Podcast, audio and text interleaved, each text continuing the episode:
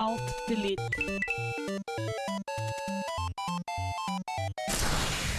Unable to comply.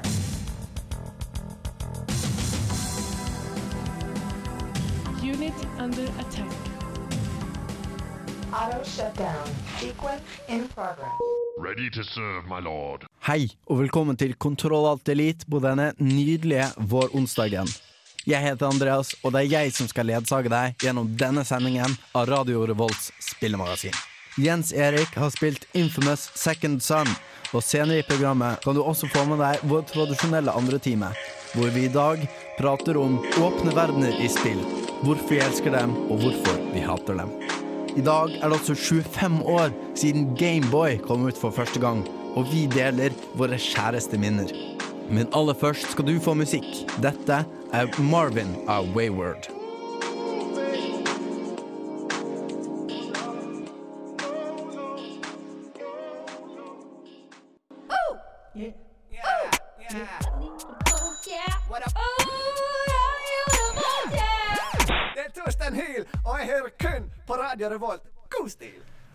Ja, velkommen her i studio på eh, Radio Revolts eget spillmagasin, eh, hvor eh, vi er tilbake igjen, jeg og Chris, etter påskeferie, mens Bård og Jens Erik har holdt fortet. Halla. Og hva har eh, du, Bård, spilt, eh, fått spilt i påsken? Jeg har for det meste fokusert på Nuzlocke-challengen min i Pokémon X. Eh, Nuzlocke er da den typen eh, da du tar og spiller. Altså hvis Pokémon din feinter, så er de død. Du kan ikke bruke dem igjen, og du kan kun ta og fange den første Pokémon du tar og støter på i et område. Og dessverre, i løpet av eh, påskeferien, everyone fainted. Med everyone så mener jeg selvfølgelig Ivysoren min, som jeg kalte everyone. Resten av folka er ganske fint. Og eh, jeg fikk eh, fanga morderen, eh, som var en havlucha, som nå har fått navnet McGinnis, så jeg kan ta og late som jeg er gamle Bruce Wayne fra Batman Beyond og si McGinnis, kick the guy's ass! Må ikke leke sånn med hjertet mitt, Bård. men det det det med. Hva, hva er strategien din for navnet du gir dem? Eh, det jeg syns er artig der og da. Ok. Eh, jeg har også tatt et par navn etter hvert. Uh, Snåleksen min het først Big Ed fordi at eh, jeg så på Twin Peaks mens jeg spilte, og eh, Big Ed var et navn i Twin Peaks. Men etter hvert så bytta jeg navn til Showstopper, fordi at hver gang noen av Pokémonene mine får bank, så er det sånn fuck this shit. Snåleks kommer inn, og han takler alt! Har så sjukt med HP og defense og special defense. Nothing blocks the showstopper. Nei, det er alltid, alltid den viktigste avgjørelsen i Pokémon er hva skal du kalle Pokémonene. Eh, hva har du spilt da, Chris? Uh, jeg har spilt veldig mye i påska. Det er nesten det eneste jeg har gjort, selv om det er godt vær ute. Uh, spilt blant annet 22 timer med Borderlands 2. Og så har jeg også spilt veldig mye kanna. Jo, jeg har spilt litt Elder Scrolls Online. Og så, prøvde, så har jeg også spilt Octodad. Og fytti rakkeren, altså! Octodad føles ut det, det er akkurat som i drømmene mine. ikke sant? Du, du kan ikke bevege på noe som helst. Det er jo bare en kvopp! Ikke sant? Og så prøvde jeg også ut etter at Bård anmeldte Jazzpunk, så følte jeg skikkelig trang for å prøve det. Og fy fader, altså. Når du spiller det klokka to på natta den, det, det er nesten som en ja, Ikke at jeg prøvde men det er nesten som en acid trip i uh, Ja. Det er fantastisk. Jeg lo fryktelig mye, og ah, jeg har lyst til å spille igjen nå. Det er liksom lovlig acid trip eh, for de som er litt eh, konservative blant oss. Deg da, Jens Erik, hva har du fått med deg? Eh, det har gått mest i Infamous Second Son, som en videreføring fra forrige uke. Jeg ble ferdig med det, faktisk. Har løpt rundt i Seattle og plukket opp masse blast shards, som de kaller det. Oppgraderer utstyret mitt og kreftene mine og alt mulig sånne ting. Og så nå, nå er det ikke noe mer igjen å gjøre, så da må Infamous Second Son eh, legges på hylla, med mindre jeg gidder å spille igjen og spille på nytt igjen som en, en ond fyr. Og så har jeg spilt eh, mobilspillet Threes, som eh, stadig overtar større og større deler av livet mitt. Jeg spiller det veldig mye på bussen. Jeg spiller det når jeg er drittlei av å jobbe på masteroppgaven min, som stort sett er hele tiden. Jeg spiller det når jeg sitter på do, jeg spiller det når jeg skal legge meg, jeg spiller det når jeg våkner, jeg spiller det når jeg spiser frokost, jeg spiller det når jeg spiser middag. Det er liksom ikke måte på hvor ofte jeg spiller Threes. Så eh, hvis du ikke har spilt Threes allerede, eh, så spill det, og så må du bare håpe på at det ikke overtar livet ditt sånn som det har overtatt mitt. Ja, så der uh, jazzpunk er uh, spillets LSD, så er uh, Threes spillenes uh, heroin. Ja, lite grann. Rett og slett. Jeg bare må ha mer. Keep chasing that dragon. Rett og slett. Ja, du Andreas? Ja, jeg kom her, og det var veldig godt å komme seg hjem i påsken. Var en tur både innom Påskehytten og innom Bergen, eh, der hvor PS3-en vår står. Eh, så der fikk jeg spilt litt uh, PlayStation. Jeg spilte uh, Driver San Francisco. Mm. Hvor mange av dere som har fått med dere det? Jeg har ikke spilt det, men jeg har hørt veldig masse bra om det. samme. Spesielt siden hovedpersonen er i koma, og du hopper mellom bil og bil. Det, Ja. det høres Ja. fantastisk ut. Fordi i, i Driver San Francisco så har du en sånn skiftmekanikk. At du kan, uh, du kan hoppe fra en bil til en annen. Enn de få eh, tingene, ny, nyvinningene jeg har sett i et racingspill på veldig lenge. da Så det, det var en fin måte å bruke påsken på, når man ikke var på ski. Jeg kommer på ski også. Men eh, da må vi nesten komme oss i gang med resten av sendingen. Du skal få 'Nice Up Yourself' av Colin Buds.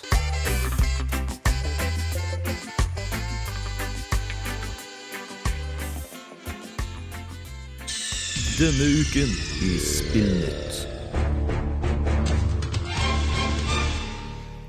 Ja, som den introen kanskje avslørte, så er det tid for Spillnytt. Og du, Chris, har noe om Xbox One i Japan. Ja, det er at, for at uh, som, Det som er greia med Xbox One, er at den er så fryktelig treig å komme ut i annet Norge, som ikke kommer ut før i september.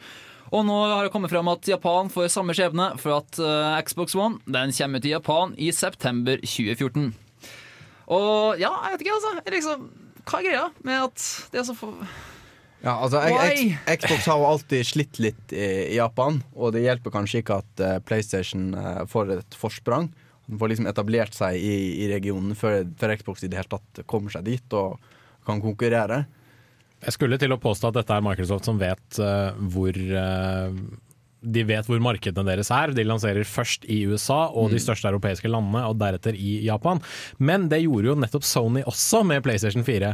Så eh, det syns jeg er litt rart da, at eh, Sony ikke har prioritert sitt eget land. Eh, Men jeg tror det har litt med at spillkultur i Japan nå er litt annerledes enn det det er i resten av verden. De fokuserer mer på mobilspill, litt mer på kanskje håndholdte spill, mer liksom 3D-svita-spill og sånne ting, framfor stuekonsollene, rett og slett. Ja, og, håndholdt har jo Microsoft aldri egentlig kunnet konkurrert på. Men jeg tror at Sony sin eh, markedsføringsstrategi og bare release overalt har egentlig eh, ja, paid off ganske bra. For at eh, salgstall som har kommet nå nylig Hvis du ser på salgstallene som var over årsskiftet, så var det jo 3,9 millioner, millioner sendte Xbox One-enheter, mens Sony rapporterte om 4,2 millioner solgte PlayStation 4. Mens nå er det snakk om at eh, PlayStation 4 i, eh, ja, rundt eh, nå har solgt 7 millioner enheter, mens Xbox One har sendt ut 5 millioner enheter. Det betyr ikke nødvendigvis at de har solgt fem Nope. millioner enheter. Nettopp. Så også her i våre trakter så gjør PlayStation det bedre. Men vi skal holde oss litt i Asia, fordi eh, Kina har jo lenge hatt eh, fullstendig eh, importforbud av utenlandske konsollspill. Nå har de løftet eh, den bannlysingen, da. Og nå har de også eh, gitt ut eh, hvilke regler som skal definere hvilke spill som kan selges i Kina. Og det er jo et enormt marked for de som klarer å ta det markedet. Men der, er- komme deg inn, da. Ja. ja det, er, det er jo ingen som er veldig etablerte der, så det blir veldig spennende å se hvem som klarer å ta det markedet. Men de sier blant annet eh, ingen spill som oppfordrer til vold, rusmidler eh, Ja. Opp, eller eller eh, Ja. obskøniteter, som er et altså- herlig valgt eh, begrep. Men da er jo spørsmålet hva legger de i det å oppfordre til vold? For altså Greit nok i et spill hvor noen sier 'gå og skyt han der', ikke sant? du er en soldat, gå til krig. Det oppfordrer til vold innad i spillet, men det oppfordrer ikke nødvendigvis til vold eksternt. Nei. Så hva ligger i setningen 'oppfordrer til vold'? Nei, folkens, Kina blir det nye Tyskland, sier jeg bare. Uff, nei. Eller Australia? Australia. For, for meg virker det som disse reglene er veldig, veldig, veldig vage. Og det er kanskje litt av tanken Ja. også at Kina selv skal egentlig kunne bestemme hva Ja. de eh, vil ha inn og ikke. Og en talsmann fra eh, Kinas eh, kulturministeriet sier eh, Things that are hostile to China or not in conformity with the outlook of China's government won't be allowed. Uh, we want to open a window, a crack to get some fresh air, but we still need to screen to block the flies and mosquitoes. Altså 99 av alle spillene som er under Den kinesiske muren har ikke falt. Nei, Nei. nei, absolutt ikke. Eneste måten liksom å publisere et spill, liksom ha et spill som heter I Love China. Og du kan tillevere China hele tida. Så får du, bare sånn, du får bare gi masse penger til den kinesiske regjeringen. Sånn, kan ikke dere bare liksom snu dere vekk i sånn fire uker, og så kan jeg bare lansere dette her sånn on the download? Og det er jo eh, et viktig spørsmål. Nå som jeg føler spill endelig har begynt å bli eh, meningsbærende. Eh, Papers, Please, for eksempel. Litt sånn eh, politisk kommentar. Om det på en måte da skal bare dø hen, og spill skal bare selv legge seg flate og eh, være, bli sensurert av Kina. Så det blir en vanskelig stilling for eh, mange spill, uh, spillprodusenter å ta. Eh, så vi får se hva noen melder der. En annen vanskelig avgjørelse fra noen skapere. Det er Skaperne av EVE skal slåss mot UFC, altså sånn MMA-fighting. Seierherren Gunnar Gunni Nelson. Kotaku melder at de kommer til å dø. Du får mer spillnyheter etter denne sangen, 'Bones' of Scavenger Hunt.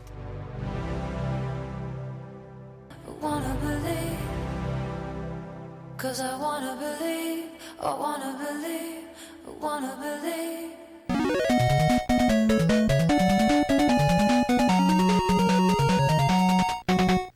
Velkommen tilbake her i studio hos oss i Kontroll Alt Elite, hvor vi fortsatt har flere flotte spillnyheter til deg. Fordi eh, opp, det skal komme en oppfølger til grøssereventyrspillet Fatal Frame. Og du vet mer om det, Bård?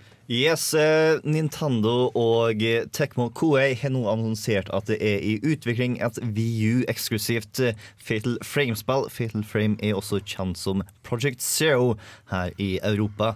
Eh, Fatal Frame-serien, for dere som ikke er klar over det, går ut på å ha et eh, fotoapparat og ta bilde av spøkelser. Så det å ha et på VU-en og utnytte gamepaden kan bli veldig interessant. Det Spørsmålet er selvfølgelig om det i hele tatt kommer til Europa, fordi at det har hatt en veldig dicey utgivelseshistorie utafor Japan. Ja, men det høres jo ganske passe skummelt ut å ha eh, kamera foran trynet når du eh, ser spøkelsene og sånn. Eh, så vi får håpe det kommer, da, hvis det er noen, eh, er det noen grøssefans her i studio. Egentlig ikke, men det jeg skulle si var at eh, alle skrekkspill har en fanskare. Folk sluker det jo med en gang det kommer ut. Uh, og eh, er det én ting jeg har eh, lært av å spille Amnesia, så er det at jeg ikke tør å spille skrekkspill. uh, men at jeg prøver gjerne, og jeg vet veldig mange som vil forsvare dem til døden hvis du våger å si noe negativt om et skummelt spill!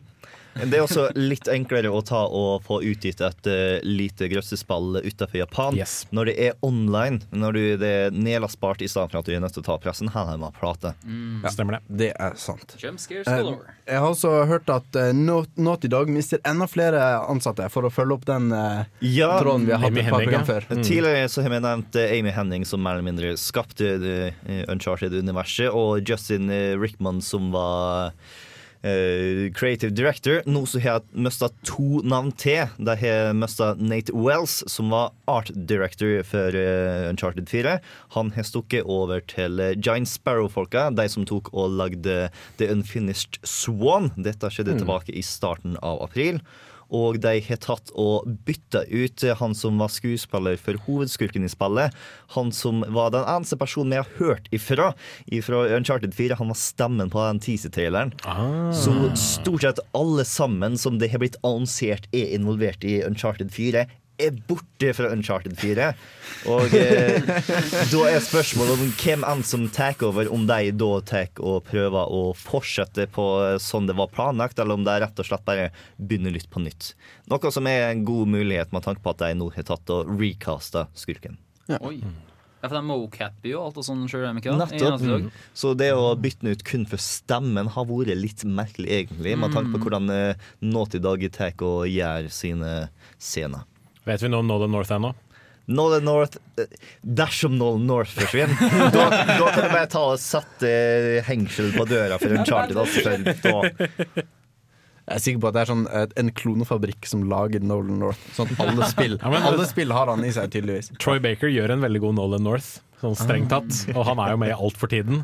Og han var jo med i The Last of Us, så hvem vet? Kanskje Ja, han kanskje. plutselig dukker opp i neste Han Uncharted. er nye. Eh, vi har også fått en dato til eh, Dragon Age Inquisition. eh, Som er oppfølger til de tidligere Dragon Age-spillene. yes, den europeiske datoen er 9. oktober. 7. oktober for Amerika, selvfølgelig, fordi at de liker ting på tirsdager. Men uh, det er et av de store, store navnene i 2014. Ja, Da får vi se om den går mer i retning av uh, Fordi toeren gikk en veldig annen retning fra det første Dragon Age-spillet. Eh, greia er at eneren var litt Den bevegde seg over hele landet, sånn cirka, mens toeren holdt seg kun i byen. Og Mm. i eneren så kunne du velge ganske spredt hvordan karakteren din var, mens i toeren så har de allerede innspilte linjer fra karakteren, så det var veldig satt og masse mer cinematisk. Ja. Så vi får se hvilken retning Dragon Age tar. Og som en siste moronyhet eh, i dagens nyhetssending, så kan vi høre om en fyr som har fullført World of Warcraft. Det vet du litt mer om, Chris. Ja, eh, det som Andreas sa, så er det jo en fyr da, som har klart å skaffe seg alle 20, nei, 2057 prestasjonene i nettballspillet. Det er en spiller ved navn XN Paiko, skrevet med russiske bokstaver. Og han har visstnok Det er noe som visstnok skal ta 16 000 timer å gjøre ferdig.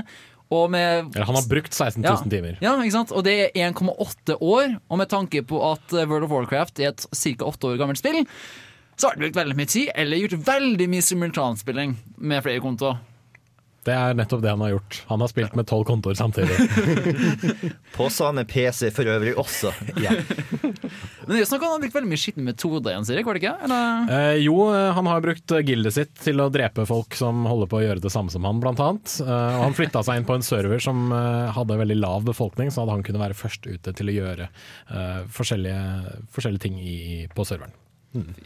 Og da skal vi eh, først høre eh, eh, Radio Revolt Feber sin Sindre sammen med han der er Linni, eh, før vi skal høre Jan eh, Erik Jens Erik. Erik. Jens Erik sin anmeldelse av Infamous Second Son.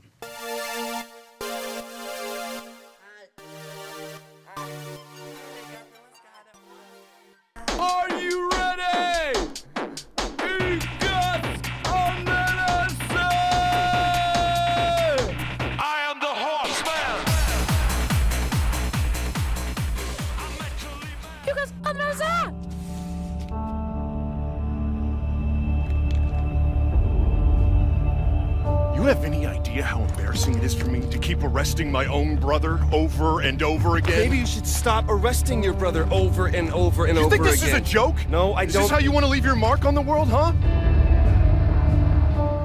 Syv år har gått siden hendelsene i Infamous 1 og 2, der Cole McGrath ofret seg selv for å redde verden fra The Beast. Likevel er ikke alt fryd og gammen. Såkalte conduits, mennesker som kan manipulere hverdagslige materialer på ulike måter, eksisterer fortsatt og betraktes av omverdenen med stor mistenksomhet og frykt. Med dette som utgangspunkt sparker Infamous Second Son opp døra til den nyeste spillgenerasjonen med et brak, og viser hva som er mulig med forbedret maskinvare i stuekonsollene våre. Now look, for all we know, we may be able to pass you through their security, you normal viral terrorist. Når en militærtransport krasjer i reservatet der han bor, oppdager protagonist, ungdomsforbryter og graffitikunstner Delson Roe at også han er en conduit, med evnen til å absorbere andre superkrefter og bruke dem selv. Kort tid etter blir stammen hans truet av antagonist Brooke Augustine, sjefen for DUP, en militærstyrke som jakter på og fengsler mennesker med superkrefter.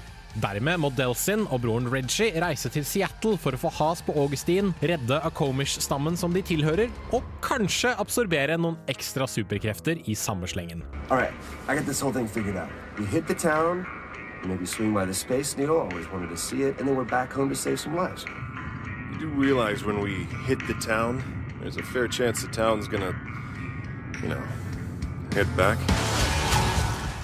Infamous Second Son bygger videre på historie, spillmekanikk og de moralske valgene fra sine forgjengere, samtidig som det endelig klarer å overbevise om at vi er inne i en ny spillgenerasjon. Dette er tydeligst i grafikken, som utnytter den økte maskinkraften i PlayStation 4 så langt det lar seg gjøre. Seattle er en vakker by å utforske, og utviklerne i Sucker Punch Productions har klart å skape en spillverden med nok ekstrainnhold til at du får lyst til å utforske byen, uten at det tar for mye fokus vekk fra hovedhistorien. Delsins vei fra ung pøbel til superhelt eller superskurk er ikke nødvendigvis spesielt nyskapende, men historien fortelles likevel godt og overbevisende.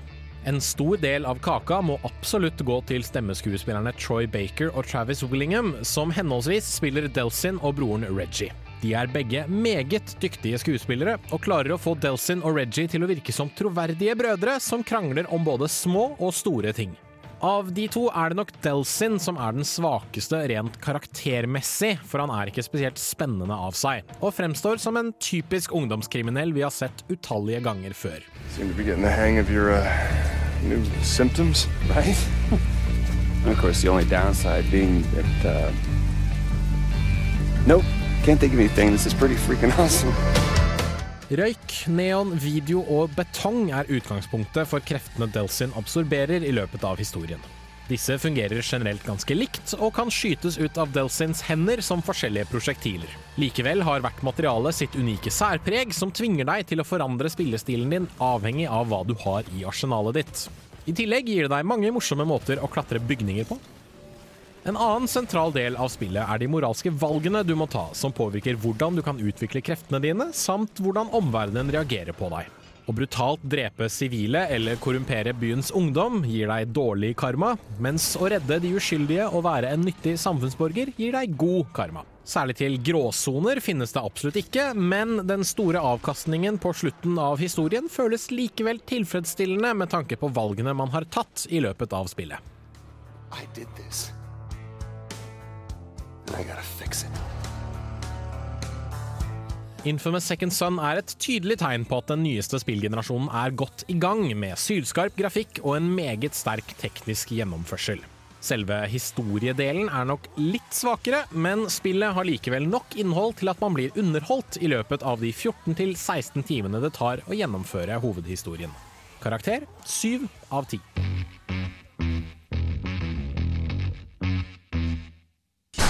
Kontroll, Alt Delete. Today we made a difference. Eagle 6 out. Ja, da er det på tide med utspørringen av eh, Jens Erik etter eh, vi hørte hans anmeldelse av eh, Second Son, som du eh, likte veldig godt. Tydeligvis sy- syv av Ja. ti. Hmm. Kanskje litt sånn eh, standardkarakteren vi gir til eh, spill. Eh, men eh, det, du var ikke med andre ord ikke helt svart-hvitt på eh, anmeldelsen, eh, nei, på eh, eh, karakteren, men eh, eh, moralsystemet nevnte du var veldig svart-hvitt. Ja, det er veldig typisk det at eh, enten så gjør du røde valg, eller så gjør du uh, blå valg. Eh, blå valg gir deg da den gode karmaen, og rød valg er da den, den dårlige karmaen. Og uh, for eksempel da når du eh, Fordi Delsin møter eh, mennesker som kan lære han å mestre de nye evnene sine eh, Mm. etter hvert i spillet, og hver gang du møter dem, så har du et valg. Enten så kan du eh, Du har enten da redeem eller corrupt. Og så Da må du rett og slett bare holde inne en av uh, avtrekkerne på kontrolleren, mm. så trykker du X eller A, eller liksom bekreft, for, å ta, for å ta valget, på en måte. Og det blir nesten litt sånn det er nesten litt sånn tegneserieaktig uansett hva du velger. Mm. For eksempel når du velger å, eh, den første eh, du møter, som er en eh, jente som heter Fetch, tidligere dopmisbruker, som lærer deg neonkreftene. Hvis du da redeemer henne, så sier du sånn ja, jeg kan hjelpe deg, og du, kan liksom, du, du er bedre enn dette, du kan komme deg forbi og alt mulig sånt. Men hvis du velger å, å, gjøre henne korrupt, så går han egentlig bare rett opp til henne, og så begynner de å råkline. Og så er det, så er det liksom bare fade, fade to svart. Og i neste scene så viser det seg at nei, da har det gått en liten stund, og så har de, de, har liksom, de har ligget sammen hele kvelden og liksom hatt seg med hverandre skikkelig sånn Sånn hardsex med hverandre, da, og så har han bare forlatt henne morgenen etterpå. Because sex is bad. Altså, sex har de uansett, men det er mer eksplisitt når du er ondskapsfull, da, eller når du er den, den dårlige fyren. Og eh, ikke minst når du, hvis du har eh, maks god karma, så begynner Delsin å gå rundt i hvit hettegenser. Mens i, eh, med, med, dårlig karma så er den, sånn, den er ildrød, da, liksom blodrød, og han, han blir mye mørkere. Og liksom kreftene hans får en sånn mørkere tone, og han får sånn innsunkne øyne, og han ser skikkelig stygg og jævlig ut. Det som alltid er kjipt i denne typen spill, er at du ikke kan ta og bytte på bare sånn 'Dette valget så føler jeg for å korrupere, dette valget så prøver jeg å redempere'. Ja, ja. Men Mm. hvis du havner liksom midt imellom, så får du aldri de kuleste kreftene. Nei, det er alltid kjipt. Infamous, 2, eller Infamous 1 og 2 kjørte det samme greia med dere eh, svart-hvitt med good og bad. Men en ting jeg lurer på, det er at i forrige spillene så sugde og var snill for at du fikk så kjedelige krefter. Har de gjort noe annerledes i Second Son? Jeg syns det, i hvert fall. Um, nå er det ikke noe sånn at du kan altså Uansett hva du gjør, så kan du kalle på en sånn eh, svær power som gjør at du bare kan utrydde alle som er i nærheten av deg. Men uh, for eksempel hvis du, eh, hvis du er god og du bruker røykekreftene veldig ofte, så kan du låse opp en, eh, en, eh, et angrep der du, hvis du treffer noen i ansiktet med et sånt røykskudd, så bare faller de pladask og er besv altså, da besvimer de med en gang. Så du kan veldig lett bare tuff, tuff, tuff, slå ut tre fiender rett etter hverandre. Eh, hvis du bruker neonkreftene for eksempel, som er en mer sånn sniper-type uh, evnesett, så får du muligheten til at hvis du skyter dem i beina, så blir de bundet fast av noe sånn neon, av neonlys. Jeg vet ikke helt hvordan det fungerer. Men da bare, da bare, fall, da bare faller de om, og så er de, liksom, de er satt ut av spill. Um, samme er det med, med, med disse videokreftene, hvor du kan bli usynlig. Uh, og da er det også da at Hvis du går den gode ruten, så blir du um, da, blir du, da er du usynlig lenger, og du uh, kan påkalle sånne engler som distraherer fienden, sånn at du kan snike deg bak dem og liksom sette dem fast i miljøet. og sånt. Ja, fordi eh, det virker som du nesten like godt kunne valgt god eller ond helt i begynnelsen av spillet, for du oppfordres til å holde deg til én. Mm. Men det er mye mer variasjon i, i kreftene, høres det ut som. Ja, det er det. Og eh, altså, måten de fungerer er jo altså, Røyk eh, satser på å gjøre mye skade over større område. Eh, Neon, som jeg nevnte, er mer sånn sniper, fininnsikt og sånt noe, mens video er mer hvis du skal være litt sånn stealthy. Det er den typiske fighter mage rogue-inndelingen som vi alle kjenner veldig godt.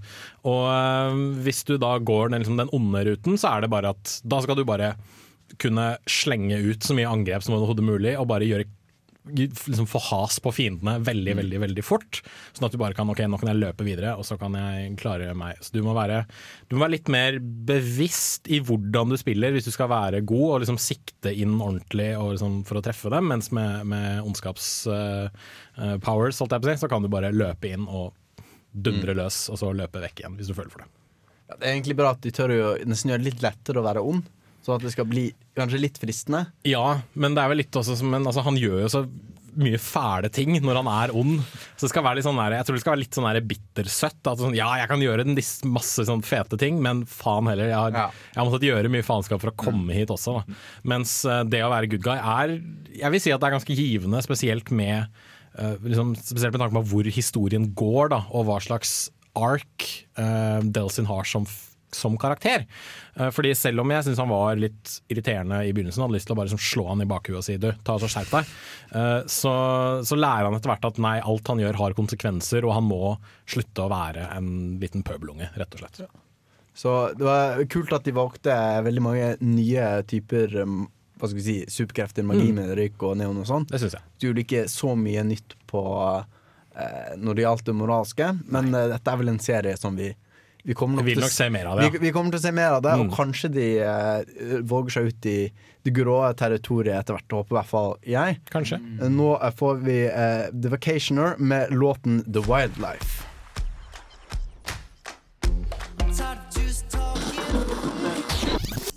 Radio Revolt. Ja, velkommen her til eh, Kontroll Alt Elite igjen. Og nå er det kommet til den delen av eh, sendingen hvor vi skal feire at Gameboy er blitt 25 år! Eh, for eh, 21. april Vent, vent, vent. Der var den. Der kom den. Der kom den. Eh, 21. april i 1989 så ble Gameboy sluppet i eh, Japan. Eh, mens vi her i Europa måtte vente helt til september i 1990. Som vi alltid må. Ja, det må vi alltid. Men uh, vi kan da uansett feire den første datoen nå, og så kan vi heller ha en Kanskje en spesialsending i uh, september til neste år. Hvis, Ja. vi, hvis vi klarer å huske på det. Det har vært gøy. Jeg og min bror fikk vår første Gameboy. I hvert fall lenge før datoer var noe jeg på en måte klarte å huske. Men det, jeg vet ikke om Pokémon var det første spillet jeg spilte, men det var ofte det første som virkelig klistra seg til hjernen min. Mm. Det var deres eh, tydeligste Gameboy-minne? Jeg husker, det ble, For meg så blir det Game of Color, da. Men eh, det var, da var det Noob. Jeg er ung og grei! Men uansett, poenget mitt Poenget mitt i Det er at jeg har spilt Pokémon Yes! Red tror jeg det var, på en rosa Game Boy Color. Det var digg. Herlig. Var det din søsters Gameboy Color, eller var det foreldrene dine veldig det, det, det var den eneste de hadde igjen. Så jeg måtte, Åh, ja. Da måtte du. True story. True story. Jeg kødder ikke. Det var Det var ikke at jeg likte rosa, altså. Nei. Neida, neida. Hemmeligheten din er trygg med oss og alle de som hører på. Er det noen andre som eh, har noen eh, Min første Gameboy-minner? Gameboy, en Gameboy Color, den var rød, døde faktisk etter sånn en uke. Ja. Ja, Men heldigvis så ble han dekket av garantien, så jeg fikk en ny gul en, som passa ekstra godt siden jeg spilte masse Pokémon gul. Yes. Ja, Pokémon gul var- eh, Sorry. Men det som eh, For å gå bort ifra Pokémon, fordi at det er det folk husker best å spille på Gameboyen, så husker jeg veldig godt eh, The Legend of Zelda og Oracle of Ages, som jeg spilte en god del på uh, Gameboy Coloren. Det var faktisk ikke Nintendo som tok og produserte, man ga det ut til Capcom, Stemmer. som gjorde en ypperlig jobb. Og du kan kjøpe den for sånn 40 kroner på TVS-en for øyeblikket òg. Spill Oracle of Seasons, for faen! Men jeg liker ikke liksom, Zelda-spillene der, for at det, det krever at du nesten har begge spillene for å oppleve hele opplevelsen. Og det bryter litt med hvordan det har vært før, og hvordan det er etter også. For det er ikke, så, det er ikke noen andre Zelda-spill etter det. Så, der du jeg, jeg føler ikke at de fikk en inkomplett opplevelse når jeg runda Oracle for Ages. Greia er at hvis du runder den ene, så kan du gå inn på den andre og skrive inn et par passord. Ja, og når du runder den, så er det sånn Oh shit, Gandalf is here! Yeah. Boss fight! Brr, brr, brr, brr. Spillet er likevel mulig å nyte, bortsett fra det, da, Chris. Ja, men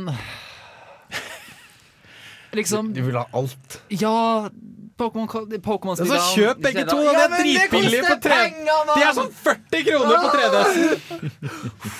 Nå tar vi en uh, dyp pust ja. her i studio. Selv har jeg hatt Gameboy i ca. ti år. Jeg fikk den der første mursteins-Gameboyen som var så tung at du kunne slå andre i hodet med den.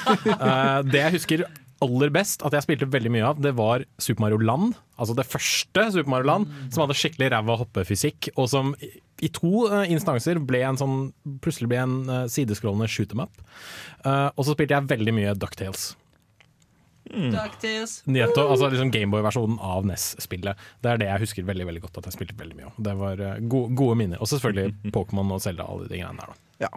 Og eh, mer om eh, i hvert fall sånn Pokémon og Zelda, og sånn, for det er jo litt åpne verdener. Det kommer du kanskje til å høre mer om i andre timen vår. Eh, men nå skal du få høre TV Suicide med bandet Wet Blankets. How you doing? This is uh, Sahara Drek, uh, StarCraft commentator. I have not talked to a woman in over a decade, and you are listening to Control Alt Delete.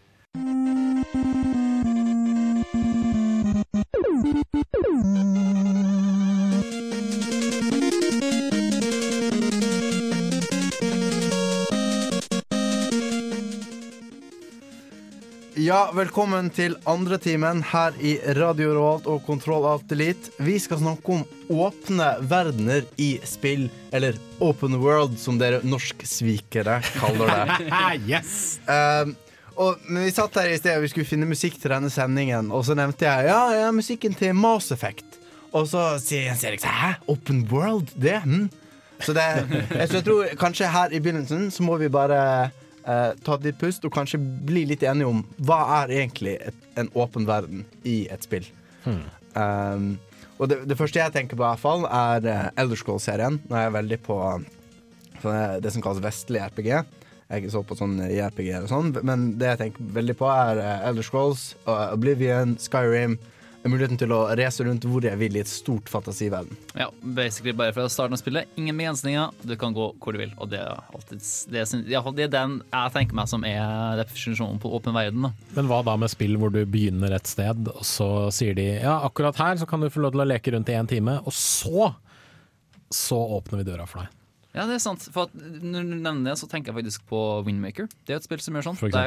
Zelda-serien er veldig på det når det gjelder eskalering. Mm. Eh, En viktig kriterium for meg i hvert fall når det kommer til åpne spill, er ikke det at du bare kan gå hvor du vil, men at du også kan gå tilbake. Og eh, det er en del spill eh, som kanskje noen vil tenke på som open world, hvor jeg ikke vil ta og tenke på som open world. For eksempel i Mass Effect 1 så kan du aldri ta og fare tilbake den planeten du fant hun Hva er det Asari-dama heter? nå? Liara. Liara. Liara, ja. Du kan aldri få tilbake den planeten du fant Liara på, etter Nei. at du har vært på den. Nei, så det er mer sånn du kan velge stien din framover. Mm. Men det er alltid en, en bevegelse i spillet. Ja, og du kan alltids komme tilbake til The Citadel, eh, som på en måte blir en hub world. Ja, hub, ja. Eh, men eh, sånn ordentlig ordentlig open world Det er mer som Pokémon og Skyrim, hvor du kommer alltid tilbake til Pelletown og eh, dit du vil. Mm. Ja, det er mer en, mer en choose your own adventure-greie enn en Jeg vet ikke hva som blir Det, det, det er som en leksikon. det, det, det føles som en levende, pustende verden. Mm, ja, ja. de verdenene. Ja. Mm. Ja, for Mass Effect har mange eh, gode elementer som føles pustende, og, og universet føles vellaget, men ja, det, det er ingenting som skjer når du ikke er der. Mm. Vel, det skjer ikke i Pokémon heller. Men det er liksom Det er enkelte kapittel du kun, kan åpne én gang, og alle Mm. igjen. Jeg, ja, jeg tenker litt på det her med hva som er definisjonen på open world, og jeg faktisk vil strekke meg sånn til å si at så lenge det ikke er sånn at det eneste spillet handler om, er at gjør det her, så det her, så det her, men du faktisk har frihet til å gå rundt, utforske sjøl, gjøre gjør side missions om du har lyst, Mm. og bare, ja, what the hell. Så lenge det skjer, så vil jeg si at det kan defineres som open world. Det, er, ja, altså det virker som vi er ganske enige her, så lenge man har mulighet til å gjøre litt det man vil. Men jeg tror at det, er, det ligger jo et skille mellom hva som er en god åpen verden og hva som er en dårlig åpen verden. Ja. Og da har jeg eh, funnet fram et sitat her fra vår alles kjære venn Benjamin Yatzy Croshaw. Ah. Eh, hvis bok Mogworld jeg har begynt å lese, den er veldig veldig bra. Det er som om noen så på et MMO gjennom et Monty Python-filter. Veldig morsomt. Eh, men eh, i hans anmeldelse av Infamous 2 så sier han A bad sandbox is one where you spend speed disinterestedly from plot mission to plot mission like the London Underground. But a good sandbox makes you go well, there's the next story mission, but ooh, collectibles, ooh, random encounters, Oh, an intact thing. Grand Theft Auto. Ja det er bare.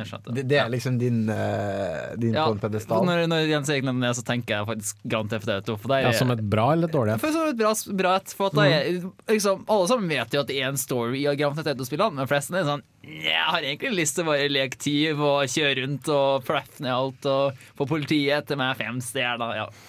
Men eh, nå sier jo Yatzy en god sandbox, men er eh, sandbox det samme som open world? Setter vi likhet mellom de? Hmm.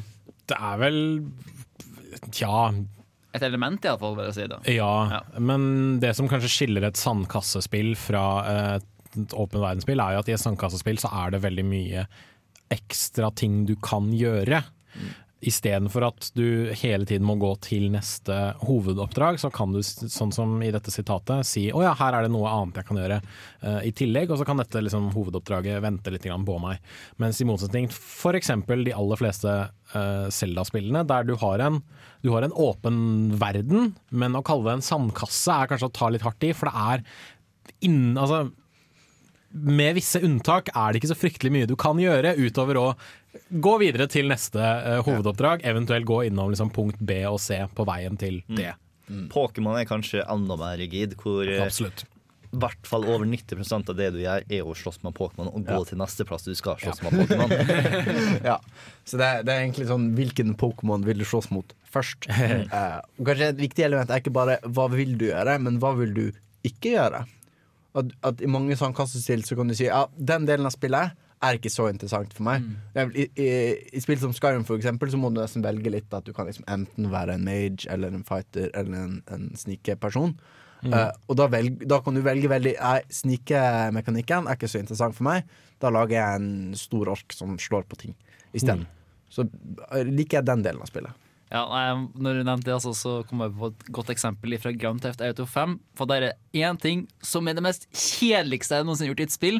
Og det er når du kan sitte i en fuckings ubåt i fuckings to timer, gå rundt hele øya i sneglefart og plukke opp radioaktivt avfall fra grunnen.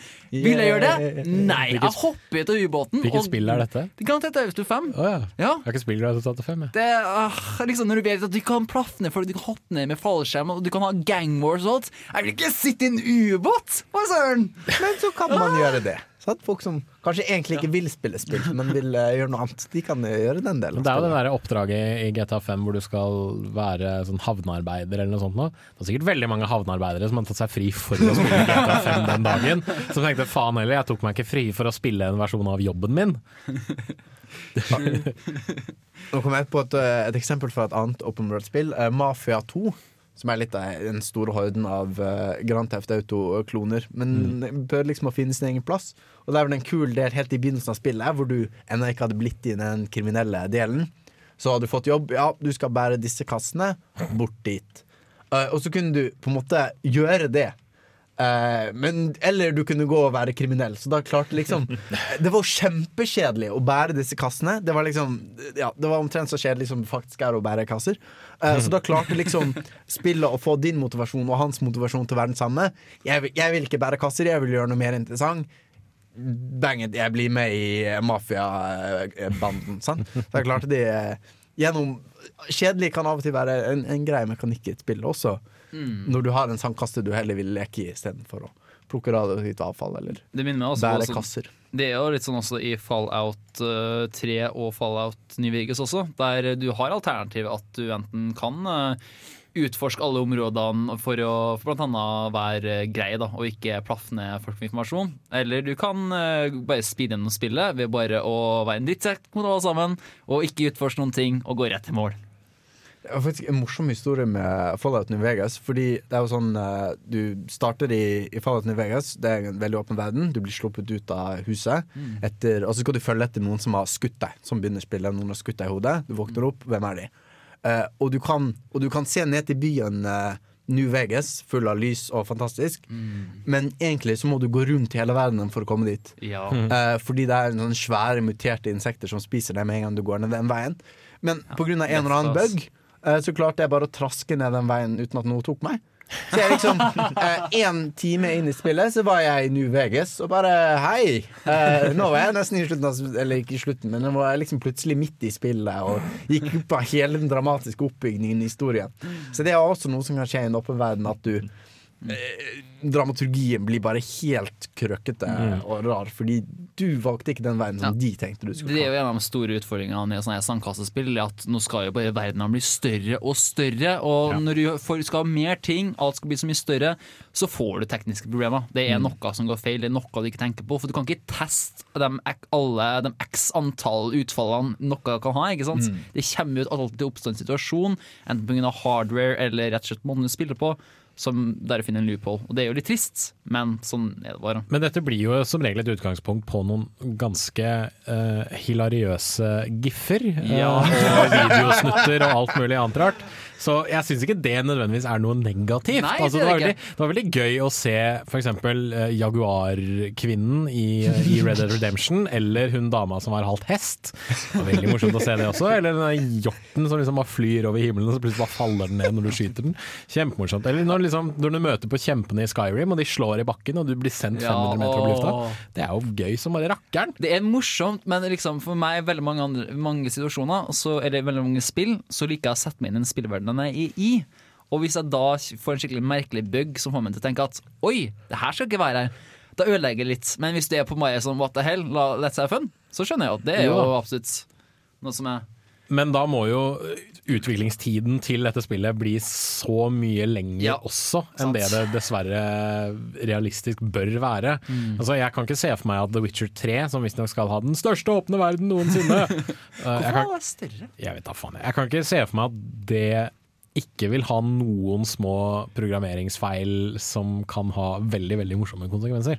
Så da kan vi jo bare si til spillutviklerne at det er ikke bare størrelsen det kommer an på, hvordan men hvordan du bruker den, også Ja. når det gjelder åpne verdener. Men begynner vi å nærme oss en slags definisjon. Eh, Det er blitt nevnt eh, velge hva man vil gjøre. At man Mm. kan eh, velge sine egne mål. Eh, Kanskje at det skal være andre ting enn bare en hovedhistorie som finner sted i denne åpne verden for at den egentlig skal kunne kalles en åpen verden. Mm. Ja, da tror jeg vi Det nikkes det i studio her, det kan ikke du se. uh, men det gjør det. Så med den, uh, den definisjonen i, uh, i tankene, så tror jeg vi hører på litt musikk fra et spill som i hvert fall er open world, Skyrim, før vi tar tak på litt mer definisjonene av hvilke elementer er det i disse åpne spillene som gjør at de funker. Du hører på Kontroll Elite på Radio Revolt.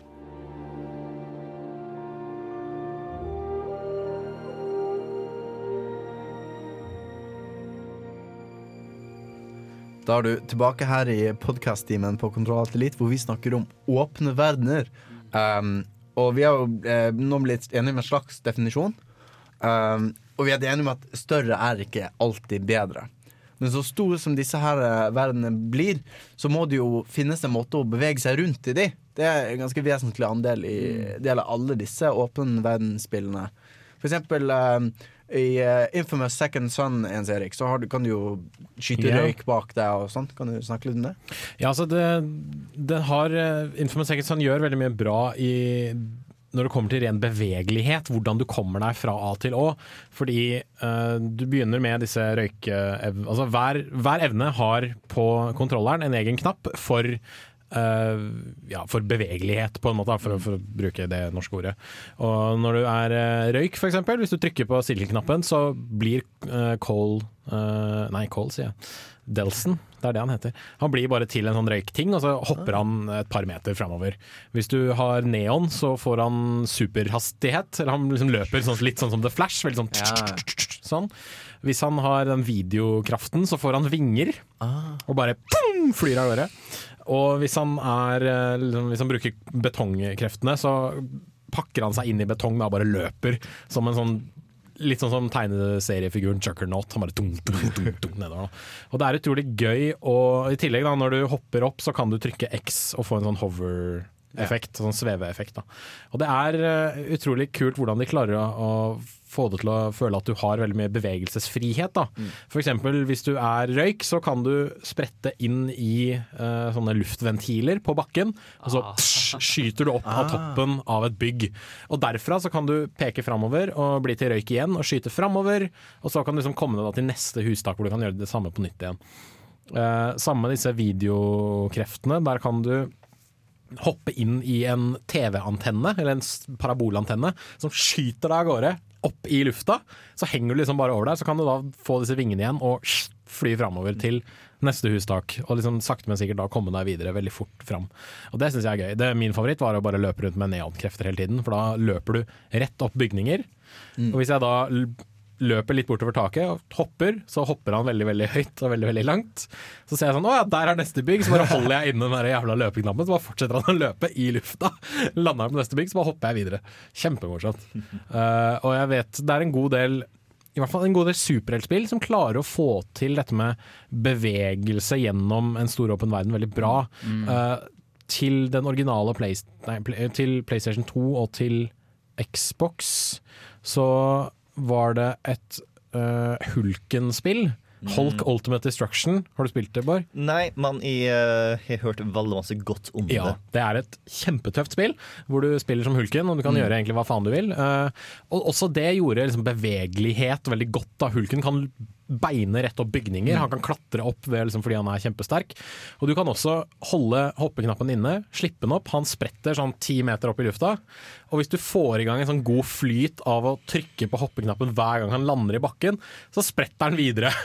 og sånn kan det fungere. Så, så, så, sånn blir hulken til en kjempesvær sprettball, som bare liksom går fra sted til sted til sted. til sted. Og det er utrolig hvor kjapt du da kan komme deg fra A til Å. Og det, i hvert fall superheltspillene gjør det veldig godt, da, syns jeg. Hvor du har da eh, de sier at ja, her er en evne du har, og som en bieffekt av den evnen, så kan du gjøre dette og dette og dette for å komme deg fort av gårde. Uh, Spiderman-spillene er også veldig bra på det med sånn webswinging. Uh, webswinging heter det vel, ja. Uh, Spiderman 2-spillet er best på det. Uh, ingen protest Og der. Batman òg, med Ja, Batman. grapple hooks Absolutt. og gliding. Mm. Ja, jeg tror altså det er mange som faktisk undervurderer hvor viktig bevegelighet, spesielt i åpne verdener, er. Mm. Blant annet, for for eksempler, Fallout 1 og 2 Jeg tror faktisk jeg bruker 70 eller 80% av spillet bare på å gå. Liksom, det er Mm. ingenting annet, jeg bare går. Og det er dødskjedelig, og det får meg til å lyst til å skru av.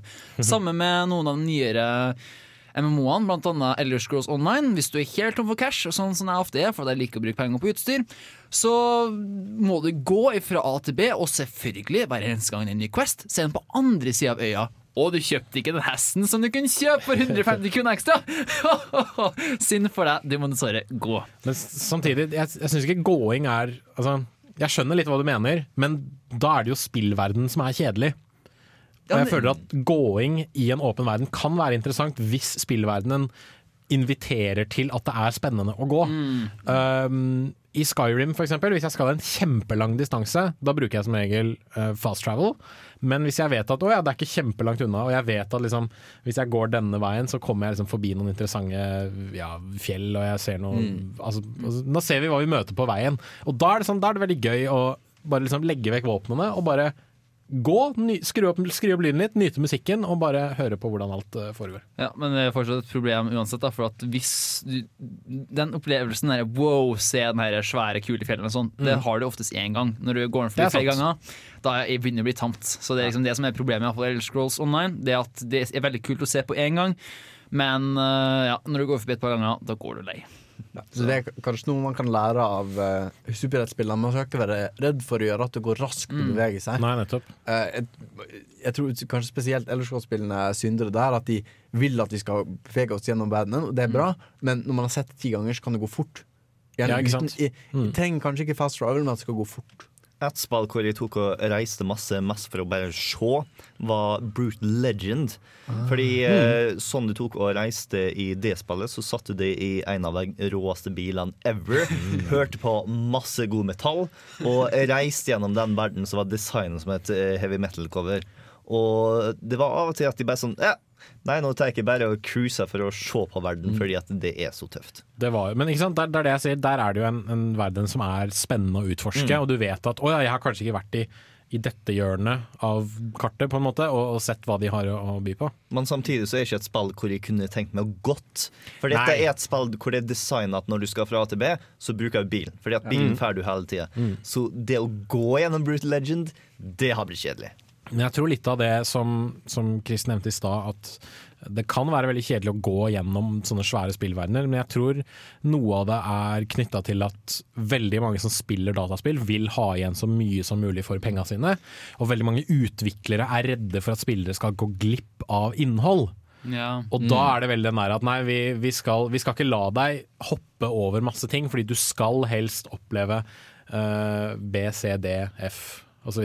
Mm. når du kommer til, Mm. til eh, Ja, spill, spill som eksempel ja, Skyrim, men også Fallout 3 og New Vegas. Igjen. Den er ganske mye. Men en fordel der med å gå gjennom forbi veiene, er at du da på minimappen, når du nærmer deg nye steder du aldri har vært på før, så, så får du en indikasjon på at oi, det er et nytt sted jeg ikke har vært på før. Det hadde jeg ikke sett på hvis jeg hadde fast travela. Nå kan jeg gå bort hit og faktisk utforske. Mm. Så ja, det er faktisk et ganske bra poeng. Så hva er, hva er den kuleste eh, reise... Hva skal vi si, kjøretøyet i utvidet forstand? Er det hotroden i eh, Brutal Legend? Er det hesten i eh, Red Dead Redemption? Hva tenker dere? Mm. jeg vil si eh, Det Red Dead Redemption fikk det som var veldig kult, var at du fikk et slags forhold til hesten. Ja. Eh, I, eh, I Grand Theft Auto, for eksempel, så stjeler du en bil. Og så har, du den, dårlig, så har du den bilen i eh, ti sekunder, og så hopper du ut av den, og så Ja. sprenger den, og så Mm. bryr du deg ikke. Mm. Men hvis hesten min dør i Red Dead Redemption, så var det krise. Jeg husker jeg så en eh, forumpost på Jeg tror det var NeoGaf rundt da Red Dead Redemption hadde kommet ut. Hvor eh, overskriften rett og slett var 'They killed G-Money'.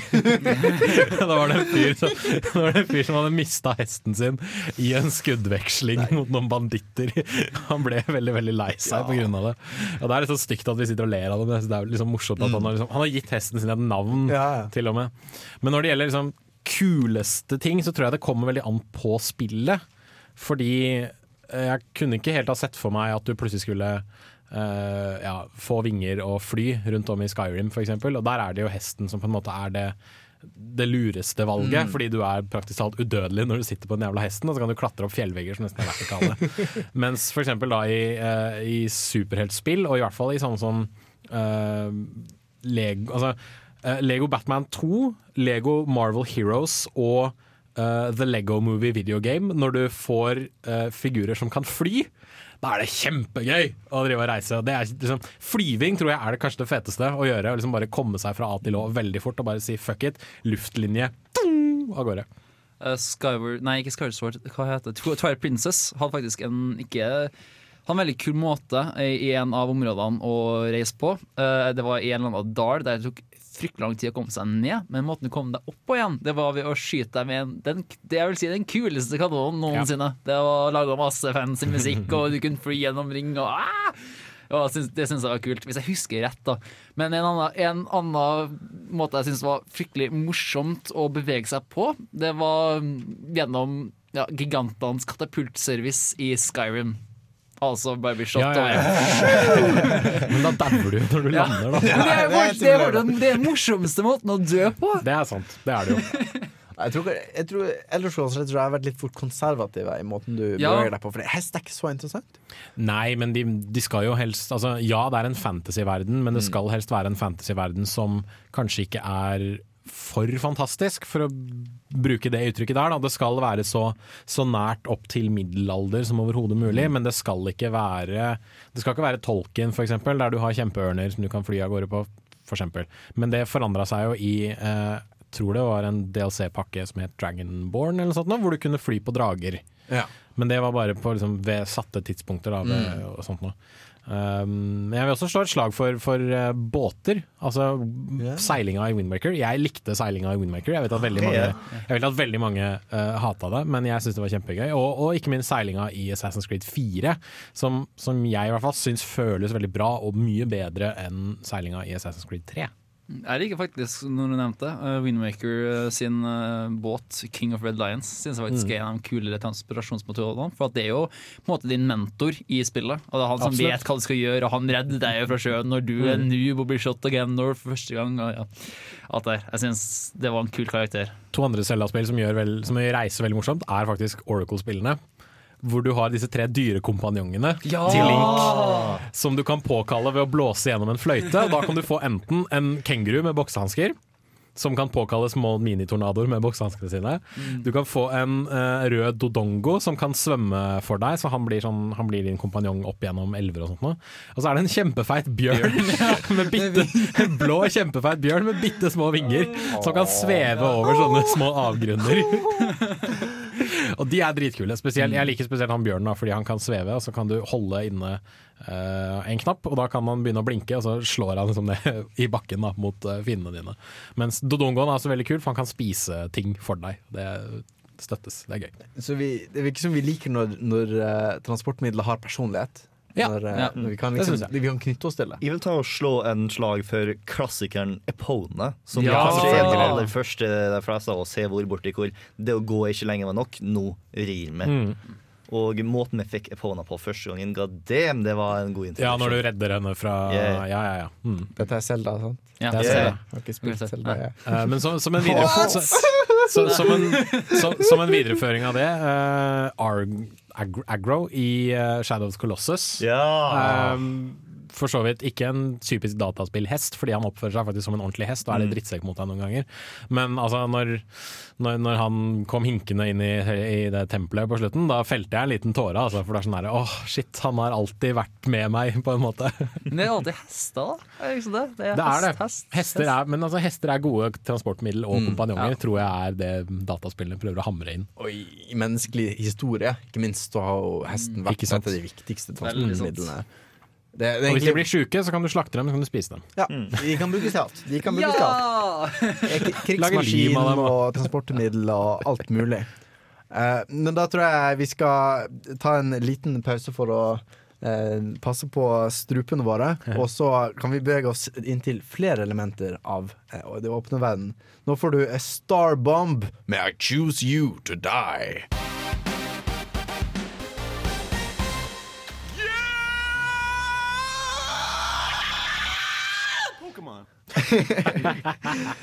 Men det er ikke bare å ri på hester eller eh, fly på eh, fugler eller sånt du kan gjøre i mange åpenverdensspill. Av og til så kan du plutselig eh, ende opp på et annet sted. Hurtigreise eller eh, fast travel, for å liksom skitne til munnen min med engelsken. Eh, hva, hva syns vi om eh, hurtigreiser, egentlig?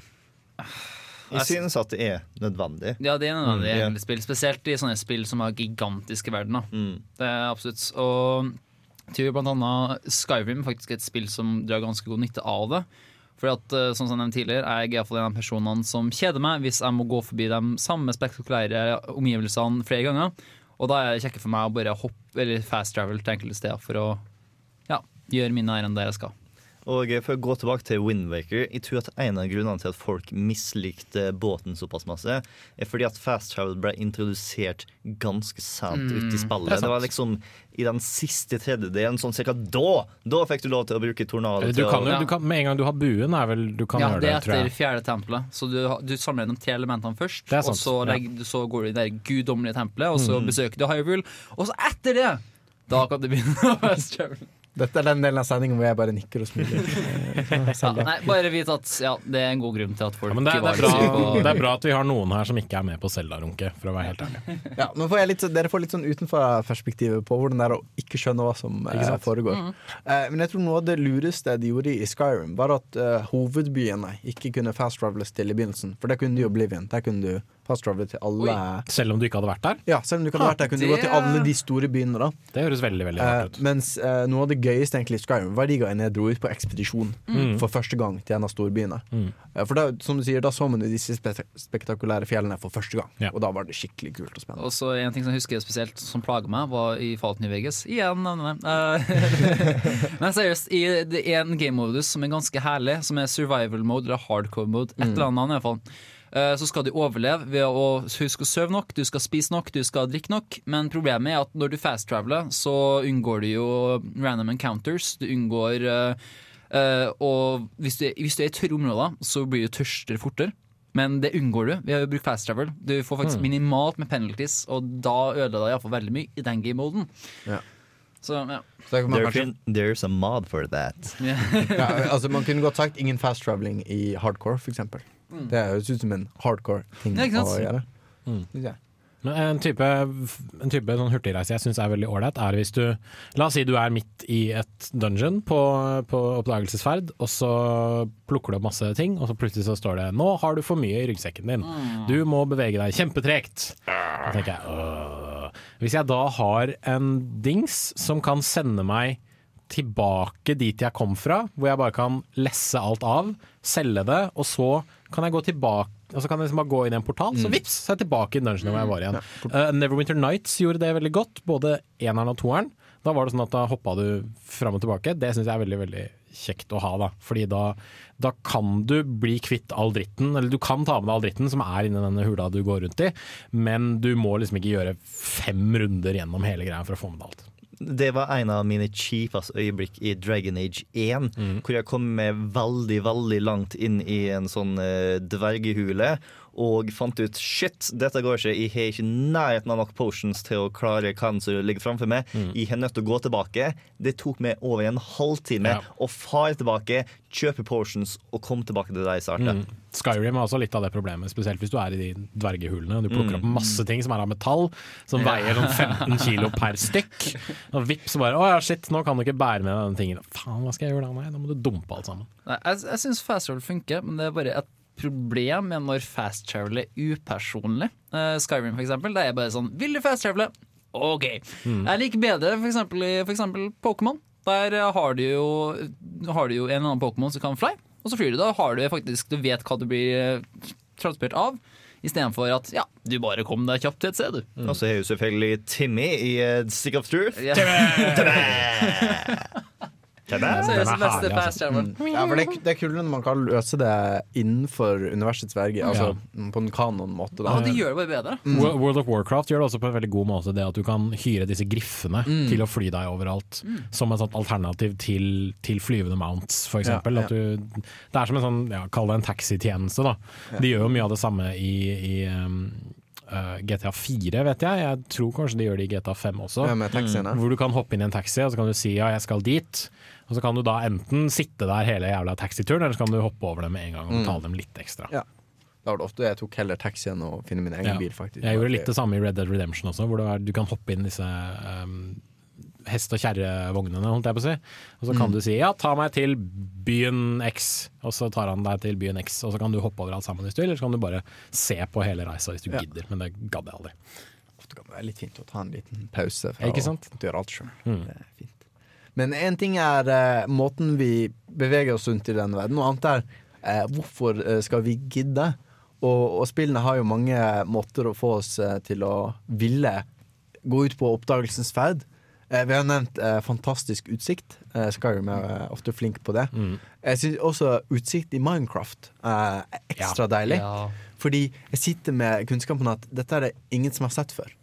Mm. Det, det, det syns jeg er fantastisk magisk. Det er egentlig ingen intet annet medium som kan gi meg det. At den utsikten er det ingen som har Mm. sett. Og så veldig vakkert også at bare noe data generert kan skape noe så fantastisk. Men det hjelper, jo enda be altså det hjelper jo enda bedre med den følelsen i Minecraft, Fordi da vet du at den spesifikke verdenen du går rundt i, er tilfeldig generert. Det er veldig liten sjanse for at noen har fått en nøyaktig lik en.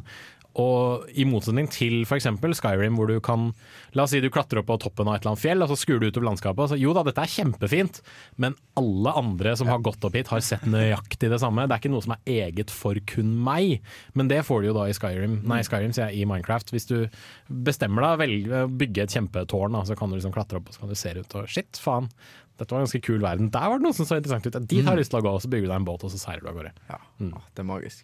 Spesielt i sånn, eh, hva skal vi si, i vår moderne tid, hvor det av og til kan føles som om alle hull på kartet er fylt, og det er liksom Mm. ikke noe eh, ut, gå ut og oppdage eh, i samme grad. Det er kanskje sånn, sånn hull i Amazonas og sånn, men det er liksom ikke Man kan ikke gå ut og oppdage et nytt fjell. Eh, og da har Minecraft som på en måte den litt sånn eh, iboende lysten i meg til å gå ut og oppdage noe nytt, noe ingen har Mm. sett før. At den klarer å eh, gi meg det, da. Det er ganske unikt. Og så en annen ting Minecraft er ganske bra for å utføre deg til å utforske verdenen, er jo at du har jo en trang til mineral Du må jo finne mineraler for å lage kule ting. Og det er en veldig god mekanikk til å faktisk uh, få folk til å utforske verdenen, Mm. som dem, kun dem får se. Absolutt. Og uh, I motsetning til da veldig mange eh, åpne verdensspill som plasserer veldig spesifikt at her er det, her er det, her er det, Mm. her er det, her er det. her er det Infamous Second Son gjør det veldig at her i liksom denne biten av kartet er alt du kan oppdage innenfor dette området. Altså Hver gang du, eh, angriper en sånn uh, ja, disse militærstyrkene har tatt over hele Seattle. Hver gang du Mm. angriper en av liksom, hovedbasene deres og tar ut alle folka der, så ser du alt du kan oppdage i dette spesifikke liksom, bydistriktet. Da. Så kan du egentlig bare liksom, følge alle markørene på kartet og ferdig med det. Men, men spill sånn som f.eks. Minecraft og Skyrim og diverse andre spill, de er jo mer sånn Uh, ja, du kan gå dit, der er det et eller annet du kan finne. Der er det kanskje en gård du ikke har sett før, og så mm, kanskje du møter noen på veien, kanskje ikke. Red Dead Redemption gjorde jo det samme, hvor du kan bare Du følger en eller annen sti eller en eller annen landevei, og så plutselig så treffer du noen som Shit, vogna vår er ødelagt, kan du hjelpe oss? Og surprise, bakholdsangrep! For eksempel. Sånne tilfeldige ting som og, I hvert fall virker det som det skjer veldig organisk. Ja. Det er sånne unike ting som kan skje i åpne verdensbil. Er sånne Og det, tror jeg, og det tror jeg er en god oppfordring til å skulle gå Altså ta veien av fatt da, og utforske, framfor å bare plopp, liksom teleportere deg dit. Jeg syns En absolutt herlig øyeblikk i Grand Theft Auto 5 var når du kjørte med en, til, en dyr bil rett ved siden av eh, fengselet. For Hvis du da kjører rett ved siden av en busk i fengselet, så kommer det en eh, tyv ut med hagla og sier 'stopp, vent', du. Og så, hvis du stopper, da, så ja, da får du Grand Theft Auto mot deg sjøl. Og det var sånn åh, liksom, Jeg var litt sånn sur over at jeg mista den dyre bilen min, men samtidig var jeg sånn Herregud, det har skjedd! Det var så kult. Og liksom, det fikk verdenen til å bli så mer sånn sagt organisk og ja ah. Pass på du ikke får sperm på gulvet vårt. Litt for mange nerdguys.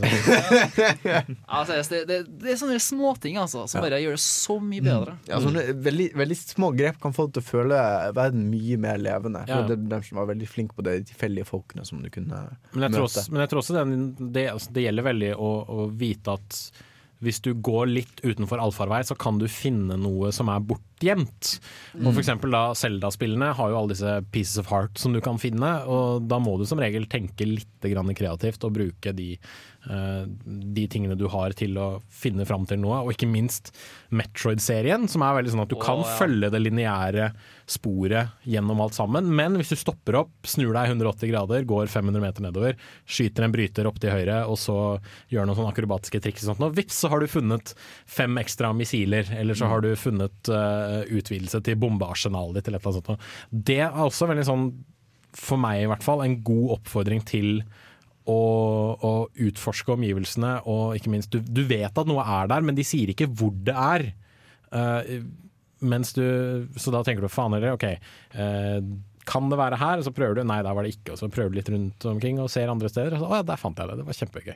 Og da får du den lille premien for deg selv. Når jeg spilte Jazzpunk i går, eh, et spill som jeg faktisk anbefaler alle som veldig sterkt å spille, for det er faktisk et knallbra spill, eh, det er rett og slett at eh, det er kanskje ikke super 100 åpen verden, for det er- har litt linearitet i det, men det som er så sinnssykt kult, Det at på ikke et eneste tidspunkt i spillet så sier det at hei, du kan utforske andre ting og gjøre ting som ikke er relatert til oppdraget. Men hvis du bare snur deg rundt bare sånn 180 grader, i f.eks. første leveren, så er det en hel verden med masse ting rundt du kan bare gjøre, og masse sånne små referanser til ja, alt mulig rart. Og du, du kan gjøre sideoppdrag som ikke hjelper deg noe i hele tatt i hovedoppdraget, men som likevel er ganske morsom og får deg til å utforske den verdenen. Og det syns jeg faktisk er noe av de kuleste utforskningsmotivene noensinne. En ting du nevnte nå når du snakka om jazzpunk som jeg synes er litt interessant, som veldig mange bringer opp når det er snakk om åpne verdener, det er dette med linearitet. Mm. Og alle spill er jo lineære. Ja. Sånn, du følger alltid en lineær historie. Bortsett fra Minecraft. Det er sant, med mindre det ikke finnes Ja. en historie i spillet. Men nå har jo Minecraft en slags, et slags plott, eller en slags Ja. quest da, som du skal følge. Men uh, spillverdenen kan være så åpen du bare vil, men til syvende og sist så innser du at shit, nå må jeg tilbake til historien, og den følger du liksom punkt for punkt for punkt for punkt.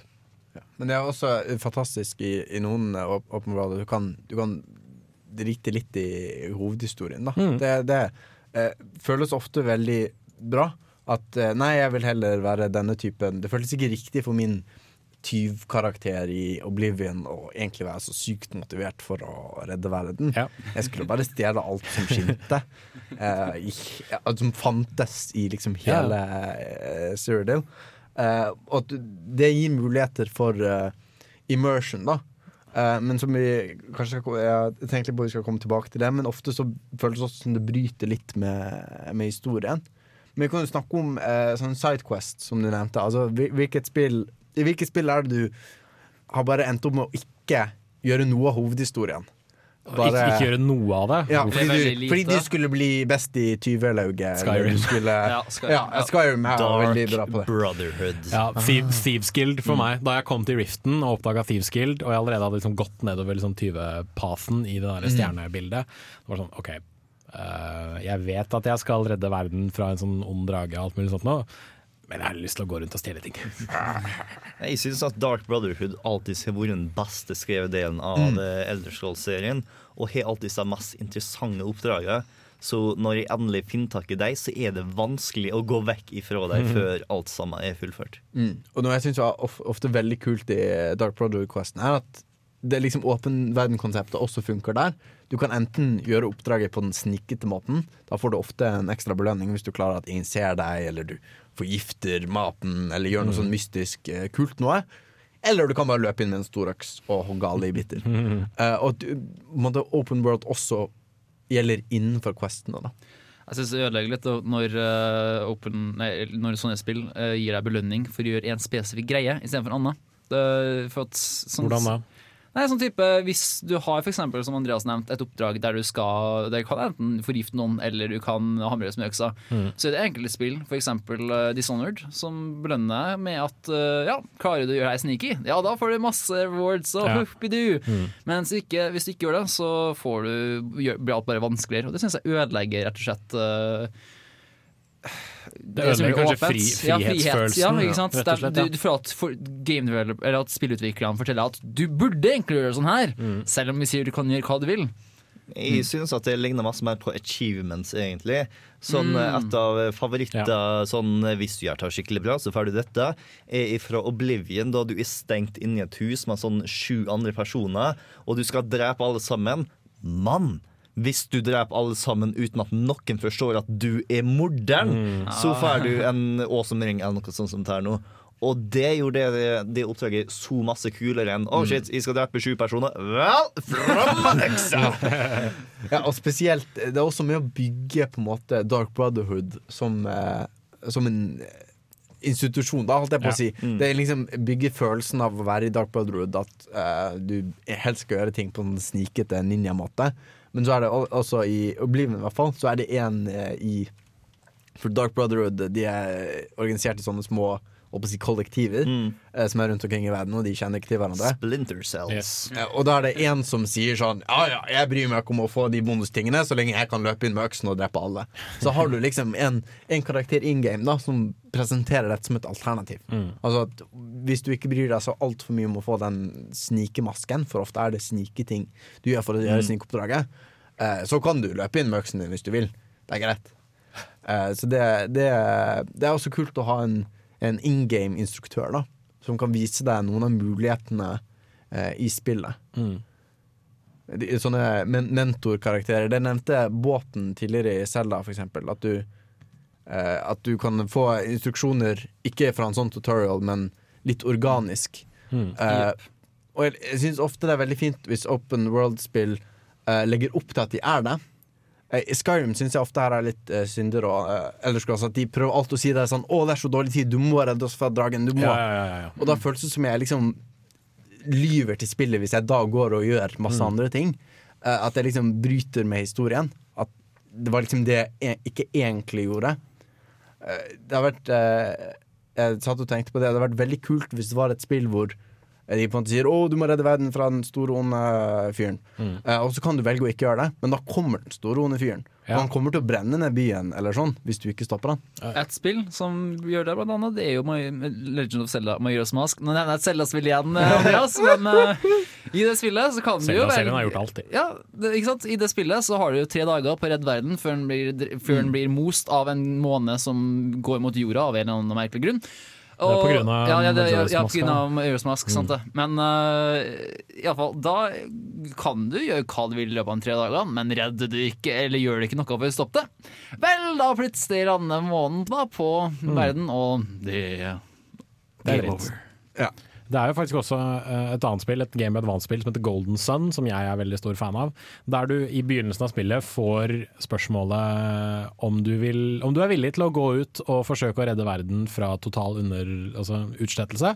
Og da kan du si nei to ganger, og da går du i en game over-skjerm. Hvor det står at nei, beklager, verden gikk til helvete fordi det var ingen som liksom som tok utfordringen og ville ønske å redde verden. Så får du en, går til en game over-skjerm, men så må du starte på nytt igjen. Det spill som kanskje har gjort ha på godt og vondt slik som du ønsker det, er Dead Rising-serien, Ja. som har en faktisk Mm. klokke. Det er sånn, Ja. det er 72 timer. Denne personen kommer til å være her såpass lang tid. Hvis ikke du møter opp da, vel, så mye av spisen. den. Ja, Det er faktisk et uh, veldig godt eksempel som er litt Ja, jeg burde Mm. kanskje plukke opp Dead Rising-serien en gang til for å få Da kan jeg den anbefale. Dead Rising 2 Off The Record med yeah. Mr. Frank West i eh, hovedrollen. Frank He's Covered. Wars, you know. Uh, som, som jeg vil påstå er det Jeg har ikke spilt Dead Rising 3, så jeg kan ikke si så veldig mye om det. Men det vil jeg påstå er kanskje det beste Dead Rising-spillet. Eventuelt, hvis du har en Xbox, så kan du kjøpe Dead Rising Case Zero. Ja. det heter, Ja. Som er en sånn prequel-greie, eller sånn, sånn bindeledd. det er en betalt demo som varer i Ja. sånn en, en og en halv time, noe sånt, Ja. og som ikke er en del av spillet. Det er et helt nytt område, og det, det er en Det er, det er en Ja. veldig god introduksjon til Mm. liksom, spillmekanikken i et Dead Rising-spill, Mm. Jeg i hvert fall. da Og da, det, da, Den gir deg veldig den følelsen av at å ja, shit, jeg må komme meg hit innen den og den, det og den og den tiden, og shit, nå er det noen på taket som roper etter meg, hva skal jeg gjøre for å hjelpe dem, osv. Det, det anbefales. Skal jeg Ja, Ja, jeg har bare lyst til å nevne et siste eksempel. Uh, Metal Gear Solid 5 Ground Zeros har faktisk en veldig subtil måte å fortelle hva du skal gjøre ting på. For at blant annet så er det i en del av spillet der uh, du redder en fange ifra en celle. Og hvis det, det som skjer da, det at det er en Det synes jeg er litt kjipt at jeg la merke til, men det er en QA-event der to vakter Men spillet forteller jeg ikke, da. Men det kommer to vakter fra Spania fra et eller annet sted på kartet, og de går da mot cella for at de skal sjekke den. Så du kan enten uh, være der og gjemme den du skal redde, i et hjørne mens vaktene kommer. Tar dem ned, så går det jo ingen alarm. Men hvis du ikke tar dem ned, så, går, så finner de ut at uh, vakta er Eller at fangen Fangen er er borte. Mm. Og alarmen går, og det blir helvete. Så Sånn synes jeg faktisk er en ganske digg måte å kjøre open world på. Eller åpen verden, da, for å gjøre deg enkel, Andreas. Konsekvenser som du ikke alltid er klar over. Det er Mhm. kult. Og litt sånn eh, risky ting å gjøre. Risikable ting. Ja. Jeg må holde på min egen Ja. bod. Ikke sant? Eh, men da tar vi igjen en eh, pustepause her i studio, og så får du musikk fra et, spill som kanskje er open world. Det er iallfall uh, Du har en hub, og så kan du reise Du kan velge hvor du skal gå, Du kan velge, eh, velge hvor, eh, hvor du skal gå. Her får du musikken fra creditsene. Uh, Fonts med M4 Part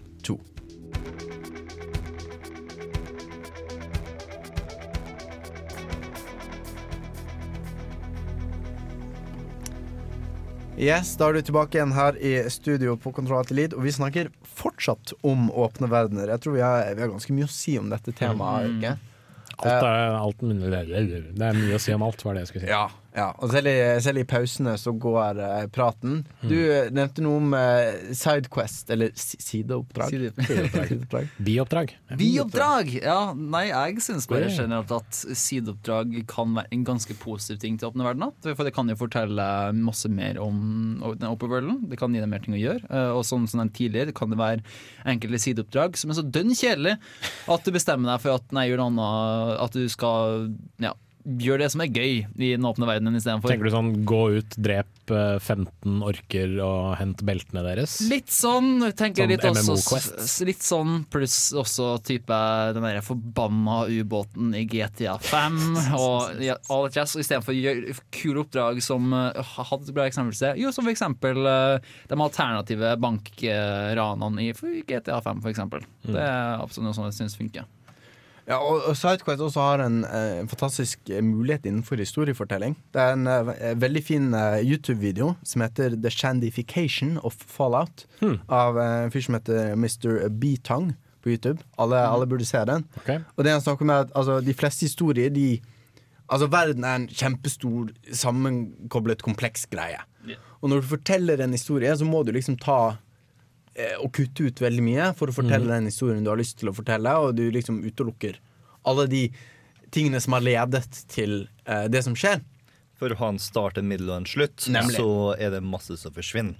Nemlig. Eh, og, og ting må liksom virke som de bare er sånn. Eh, mens det egentlig er ting som har ledet til at det er sånn. Eh, og det er det som er så fint med spill, at da kan du Oi, denne tingen som skjedde her, syns jeg var kjempeinteressant. Mm. Da har jeg lyst til å finne ut mer om det. Og du kan liksom velge din egen vei gjennom denne fortellingen da, og vite mer om de tingene du vil vite mer om. Annet i Borderlands eh, 2 så har du muligheten til å finne ut mer om de eh, figurene som du kan spille som.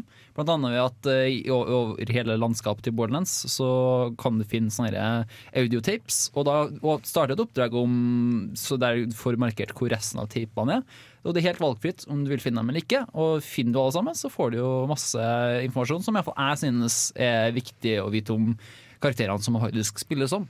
Mm. Fordi alle spiller Borderlands for å få en FPS hvor du skyter monstre, men det er kanskje ikke alle som spiller Borderlands for å få en historie. Og så kan, da kan Mm. de som spiller Borderlands for å få en historie om kule folk, de kan gå og hente den selv. Så slipper du på en måte å, å lage et spill som prøver å treffe alle, og da treffer ingen. Og heller ha en mer sånn, du kan, litt sånn modulær spillopplevelse. Mm. nesten. Du kan liksom putte sammen litt den spillopplevelsen du selv eh, vil ha. Mm. Absolutt. Så det, ja. Ja, siden det er ingen som opp. En annen sånn opplevelse jeg hadde, så jeg, jeg, når jeg spilte Sleeping Dogs, for at jeg syntes det var råkult i det spillet å faktisk være med i den eh, Hva skal jeg kalle asiatiske, eller den eh, Triaden. Tria, jeg var med i triaden, ja. Det syns jeg var kjempekult. Mafia. En av dem i hvert fall. Det var de bad guys da i eh, Hvor var det? Ut, Hong Hong. Ja, Hong Kong her, får innføring og alt. Eh, det var i hvert fall veldig moro. Og i, for da, I Sleeping Dog så kunne du velge om du ville kjøre hele rollen som uh, dobbeltagent, eller om du kun ville gå gjennom alle politioppdragene eller, og storyoppdragene. Uh, jeg endte opp med å synes at det var kjempekjedelig å spane og sånn på diverse slemminger, så jeg gjorde bare alle story slash triadeoppdragene, og jeg syntes det var kjempefestlig, og det funka. Da fikk jeg den opplevelsen jeg ville ha. Jeg ville ikke være uh, the good guy for en gangs skyld. Jeg ville, vite, eller jeg ville få en, et innblikk eller en idé om hvor, hvor jævlig triadene kunne være, og det fikk jeg ved å velge den veien jeg tok. Og det syns jeg det er fint i Open Broad at du av og til får en eh, følelse av eh, at valgene dine har eh, konsekvenser. Mm. Eh, I hvert fall når du får til en sånn opplevelse av en organisk verden som vi snakket om. Ofte så Elders Goals, Nå snakker vi jo veldig mye fint om Elders Goals og veldig mye stygt om Elders Goals. Der har nok Elders Goals feilet litt. At det ofte føles som Ja, ja, OK, nå redder jeg den mest vekt, mektige personen som lever i universet. Mm. Og det er ingen som bryr seg. Ja, ikke sant? Du kan- du kan- Da, da, jeg husker den ene gangen da du redda Kvarts. The hero of Kvarts! Men altså, du, for eksempel, da, du, kan, du kan bli sjefen for hele Dark Brotherhood og liksom gå gjennom hele den Quest-linen, og så kommer du til en ny by, og så drar du til f.eks. Thieves Guild, og så behandler de deg som om du er søppel de nettopp har funnet fra gata. Liksom. Altså, ja, men jeg har du ikke snakket med noen i den andre byen? Nei, vi driter i dem, vi holder oss for oss sjøl. Men Se på meg, da! Jeg går jo i snikmorderdrakt, for faen! Men igjen, det er jo det som er litt av problemet med Open World. Ja, de skal være så forbanna store, og så skal man jo få til å prøve å få alt til å funke, ikke sant? Alt skal Men, være eh, helhetlig, ja. Men eh, nei. Og det føler jeg uh, ofte er enda verre i online-spill, for det er mange av MMORPG, uh, Massive ja, whatever, uh, spillene, de er jo Oi sann, de er jo ganske åpne. Eh, For eksempel, WoW for eksempel er jo en, en svær, svær åpen verden. Men når det er eh, 100 mennesker som står i kø for å redde byen som jeg akkurat har reddet, så føles det ikke som jeg har noen innvirkning eller er noe viktig. Eller jeg, det, det tar vekk veldig mye den følelsen av å ha oppnådd noe, da. Som ofte er motiverende i spill og driver historien. Spesielt med en mor som har en øh, prøver liksom å fortelle en historie der du skal være den som, som redd, Du er liksom den utvalgte som skal redde Mm. alt sammen og sånt noe. Men du vet jo samtidig at det er ca. 100 000 andre utvalgte som skal redde dette, verden, denne landet, som øh, løper liksom parallelt med deg og skal prøve å ja, redde prinsessen eller redde verden eller noe sånt. Og med en gang du er ferdig med et sted, så trykker noen på reset- reset-knappen, og så skal liksom hele greia gjøres på, om på nytt igjen. Da blir det nesten litt kulere med spill som EVE Online, hvor alt Mm. sammen er styrt av spillerne. Mm. Du ender ikke opp med å redde verden, men når du faktisk gjør noe som er likt viktig, så er det faktisk viktig. Det har konsekvenser som andre mennesker med sånn Oh, shit. Vel, da kan ikke jeg ta og salge det for så masse lenger, fordi at det er overflod av det. Ja, ja. Ja, Vi nevnte jo at det var jo en, en gigantisk krig som utspilte seg i EVE Online en gang, som var veldig kostbar. Jeg husker, jeg husker ikke Det var, det var ett slag som var en del slag, av en altså, krig. Alle sammen husker liksom den idioten ikke sant, som ja. trykka feil knapp og ikke betalte, eller hva søren det var. Og, Oh, it's you, the idiot of Kavach. Ikke sant? Og sammen husker det, fordi det er jo ekte spillere som faktisk Mm. reagerer på det som skjer i spillverdenen, istedenfor at du har statiske NPC-er som uh, må programmeres til å si tingene, ikke sant? Mm. Uh, Ja. Ofte kan det være mer interessant å få en spiller til å gjøre den jobben en NPC kunne gjort. Mm. For eksempel, ofte er de veldig villige til å gjøre det. Men det er jo forskjellen mellom en sandkasse eh, MMO og en mer sånn Ofte kalles det thrill park. Ja. Sånn fornøyelsespark. Eh, her er denne rollercoasteren, og så Mm. kjører du gjennom den, oh, drager, og så går du videre til neste fornøyelsesparksted. Og så går du videre og videre. Jeg skulle likt å se en MMO der du faktisk kan f.eks. åpne en butikk. Og du skal liksom Du, skal, du kan være en, en handelsmann, rett og slett. Og du skal drive og styre sånne ting og sånt nå, istedenfor at du bare eh, har den der standard Ja, nå er jeg en eventyrer, og jeg skal ut, og så skal jeg hente 30 bjørnerumper for han bonden der borte. Og så skal jeg hente uh, 15 kubjeller for han dusten der, og så videre og så videre. Men altså, nei, jeg skal skal sette opp en butikk, jeg. Jeg, skal bli, altså, jeg har hørt om folk som har gjort det i, i Daisy, men der, har du, der er det det samme greia at det er spillerne som reagerer på det du gjør, Mm. ikke så mye verdenen. Der er det folk som har Der er det en fyr som har uh, satt seg opp inni en, en kirke på en bestemt server, og er rett og slett Han fungerer derfra som lege. Og eh, hvis du klarer å komme deg dit, da du har en eller annen skade og du kommer deg dit, så gir han deg mat og så gir han deg bandasjer, og så sender han deg av gårde da, med, liksom, med det du trenger for å overleve. Nå forestiller jeg meg bare en uh, pawnshop. Ja, du har en uh, epic med 20 millioner skade, vel? Det er best jeg kan ta og gi det sånn 20 gull. Ja, du må- Du må bare sende en brevdue til din ekspert på eh, flammesverd. Jeg har en kompis som virkelig kan dette. Altså. Ja, ja det, du, du skal ha Pawn Stars-versjonen yeah, av ja. eh, Å gud, det hadde vært så bra! Oh, jeg hadde så spilt det spillet. Ultima. Tror jeg, eh, de gamle Ultima-spillene tror jeg du kunne ha sånn butikk og kjøpe hus i og sånn. Ja, kanskje. Mye. Med sandkasse. Jeg sy- digger egentlig litt spillene, eller iallfall de flerspillerspillene, der du kan faktisk velge om du enten vil gå solo, eller du kan velge hvem du kan ta med deg. Blant annet igjen Borderlands 1 og 2 syns jeg gjør det veldig digg, for du kan enten velge å gå solo og redde verden sjøl, eller du kan ta med alle fire karakterene, spasere inn og plaffe ned alt, og så Mm. da er dagen. Mm. Og det syns jeg er en fin ting å gjøre uh, flerspilleropplevelser på, istedenfor å ha den derre ja, karusell slash uh, fornøyelsesparkaktige modellen der du vet at oi ja, alle sammen andre er med, å søren òg. Det er ikke en spesiell opplevelse i det hele tatt. Istedenfor i Borderlands-serien for eksempel, så kan du tenke at oh yes, jeg og kompisene mine, vi har klart å Mm. komme oss gjennom, Mm. vi plaffa ned den. Å, husker du den gangen da vi gjorde Ja, ja, ja, ja ikke sant? Jeg syns det er veldig spennende med eh, en type eh, Ikke en MMO, men se for deg Elder Scrolls.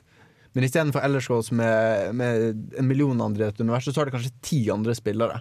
på Mm. liksom samme område. Det tror jeg hadde vært mye mer spennende at det hadde vært Wow, nå møtte jeg en annen eventyrer. At det hadde vært liksom en, en stor ting, og at det liksom hadde blitt Da kunne hver spiller ha mer innvirkning på, på verden, da istedenfor at det er én million utvalgte helter som skal redde verden. Det er det de burde laget. De burde lage Skyrim med flere spiller, ikke Ja. Elder Scrolls Online. Det var jo det Elder Scrolls Online helst skulle bli, men de har jo dessverre ikke klart det fordi eh, Fordi. Fordi. Because reasons. Ja, fordi de skal ha så mange spillere. Det er Spennende med fire. Det er én ting altså, som gjør meg sur. Noe meld, meld fra, så er det Elder Scrolls Online! Fy flate, altså. Når jeg starta i, for et par i, det, Når var det? Jo, jeg starta forrige lørdag. Fy flate, altså. Fra, jeg har spilt sånn 12-13 timer, og jeg blir så fryktelig sur, altså. For først og fremst, første som møter meg, er fader meg Elder Scrolls Offline, fordi vet du hva, det er en frikkings server update. OK, hva gjør jeg nå? OK, jeg bytter til den andre serveren, jeg. Hm, funker det? Nei, det må laste ned 30 gigabyte med de samme gamefilene som de brukte i ja, den europeiske megaserveren. OK, laste den, vente til at den blir ferdig å installere seg. Nei, men vent litt! Den nordamerikanske serveren har nå blitt tatt ned, og jeg må nå bytte den europeiske. Men OK, det går jo greit, for nå kan jeg iallfall gå og bytte til den europeiske igjen. Og der har jeg alle gamefilene, ikke sant? Så begynner jeg å spille, men gjett hva? Alt av dungeons og alt av spilleopplevelser er jo samme tusenvis av andre. Får jeg drept noen? Nei! Hvorfor har jeg ikke drept noen? For at alle andre dreper dem for meg. Til og med bossen blir drept av andre folk. For de har med public dungeons! Hva faen i helvete er det du driver med ellers, Online? Det er ikke det jeg vil! Jeg vil redde verden! Jeg skal bli ja, den magiske fyren som redder alt, ikke tusen andre som dreper ting for meg! Faen heller! Nå tror jeg vi må lufte studio nesten. Nå tror eh, jeg Kristoffer skal drikke litt vann. Ja, altså. Det kunne blitt spalte. Eh, Sinte Kristoffer eh, forteller om eh, tekniske problemer i spill. Og du, den eh, Går det bra med deg, eller? Ja. Du burde ha nesten ha et, eh, sånn, et minutts stillhet i kondolanse med, med Kristoffer spillopplevelse. Jeg foretrekker å spille aleine, jeg. Ferdig med Ja. det. Men altså, eller hvis jeg skal spille med andre, så må det være sånn som vi har nevnt med f.eks. Borderlands. At det må være Jeg må kunne velge et utvalg av folk. Det, Mm. det, det blir litt for mye å bare skulle spille med masse andre mennesker, med mindre det er et konkurransespill, f.eks. à la CS, Titanfall og alt mulig sånne ting. Eh, men jeg, jeg liker at singleplayer-spillerne mine skal, spillene mine skal være singleplayer, og eh, at opplevelsen skal være bygd rundt det, rett og slett.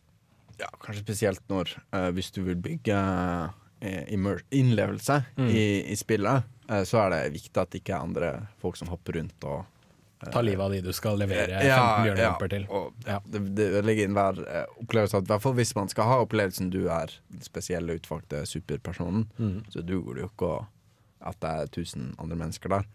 Så det, det, det må man eh, Man må i hvert fall finne ut av hva slags spillopplevelse man vil lage da, når man har et open world. For det er så Mm. mange, eh, mange Det ligger jo litt i den statuen at det er så mange valg i, i et uh, i hvert fall litt sandkassespill. Så da må man være desto mer bevisst på hva slags opplevelse vil man lage. Mm. Og i veldig mange tilfeller så hender det jo at utviklere gir deg for mange valgmuligheter. Det var en ting jeg merka veldig med Assassin's Creed 3, at det alltid var ting som på en måte krevde oppmerksomheten min vekk fra hovedhistorien. Og når hovedhistorien strengt tatt ikke var kjempeengasjerende, så var det litt sånn her Å ja, shit, da kan jeg løpe rundt og så kan jeg jakte på noe dyr og skit og faenskap. Men det var så forbanna mye å gjøre! Så går jeg bort til en sånn her dude i eh, en eller annen havn, og så viser det seg at shit, jeg har jo sånn 15 sånne seileoppdrag som jeg kan gjøre, men gidder jeg å gjøre det? Nei, egentlig ikke, for jeg syns ikke det var spesielt morsomt. Og jeg, det er veldig mange sånne åpen verdensspill som ikke klarer å treffe den balansen mellom og at du, liksom, du kan la deg distrahere litt, og så kan du gå, bak, gå, bak, gå tilbake til hovedhistorien igjen. Og veldig mange bare liksom stapper inn masse ekstra ting hele tiden, og så er det sånn Jeg har for mye å gjøre, hvor skal jeg begynne? Nei, jeg, fuck it, jeg bare følger hovedhistorien videre. Et spill som jeg tok og runda 100% nylig, som klarte det der ganske bra, er A Link Between Worlds. Fordi eh, det er så har jo liksom ikke lange sideoppdrag. Du har sånne ekstra minigames som du kan ta og eh, bruke under et minutt på dersom du prøver én gang, eller sånn 20 minutter eller noe sånt hvis du har lyst på en skikkelig high score. Mm. Eh, og så har du sånne små pipiper, så du er nødt til å finne 100 stykker av eh, Mm. jevnt over hele verden. Fant du alle? Jeg fant faktisk alle. 100 det, det kommer orka- til å- det orka jeg ikke. Nei, kommer til å få så masse bank når vi tar Street Pass og Jan Erik. Ja, det driter jeg i. Ja. Uh, mm, og nå glemte jeg helt hva jeg skulle si. Eh, uff, dette var fælt. Nå, jeg skulle si noe lurt, nemlig. Skal vi gå til en låt, og så kan du kanskje Ja, bruke litt tid ta, på ta en låt, og så kan jeg eh, hente meg inn igjen. Ja. Nå får du enda en uh, sang uh, fra et spill jeg ikke En låt uh, fra et spill jeg fortsatt ikke har spilt. Sinda, Zelda Windwaker. Du får remixen How Small Fry av Hyperduck Soundworks.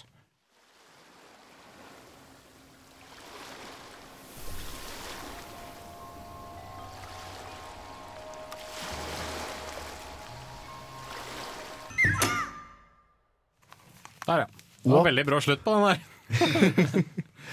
Åpne verdener er fortsatt temaet her. Vi kan tydeligvis snakke om dette for alltid. Og eh, som jeg nevnte tidligere, så uh, har jeg ofte problemer med å leve meg inn i um, åpne verdensspill. Uh, fordi jeg kan Ja, hvis jeg ikke gjør noe, så kommer aldri noen av dagen likevel. Så det var kanskje en løgn. Og når jeg spiller GTA, så er det, det er en sånn, det er en sånn dobbelthistorie på gang. Det er liksom den historien jeg blir fortalt i oppdragene, og så er det den historien som jeg spiller. Fordi Nico Bellic uh, ville ikke uh, funnet på å gå på sånn berserkergang og se hvor mange han klarer å skyte uh, før han blir drept eller fanget av politiet. Men du verden, så mange ganger jeg har gjort det når jeg spiller GTA. Uh, så så jeg, jeg føler ikke helt jeg klarer å leve meg inn i den. Selv om Nico Bellic er en veldig bra skrevet karakter, uh, så klarer jeg liksom aldri å leve meg inn i historien hans, fordi det er en sånn dobbeltopplevelse på gang. Og så er det også det andre problemet når eh, du, hvis det spillet også får sequels, så er løsninga de ofte kjører, det er at de velger én av eh, x antall utfall som den offisielle canon-fortsettelsen, og det, så går de ut fra det, da.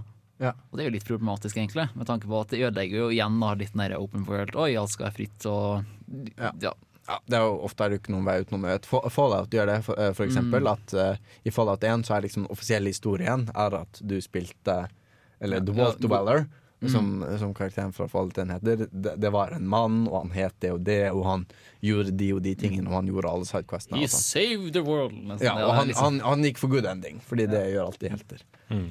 Så, så det, er en, det er en Det du spilte, og så er det det, det som faktisk skjedde. Det er litt Er sånn nedlatende mot uh, folk sin spillopplevelse, da. Når man sier at måte, Nei, vi skal ikke dømme og si hva som er den riktige historien, men det var dette som faktisk skjedde.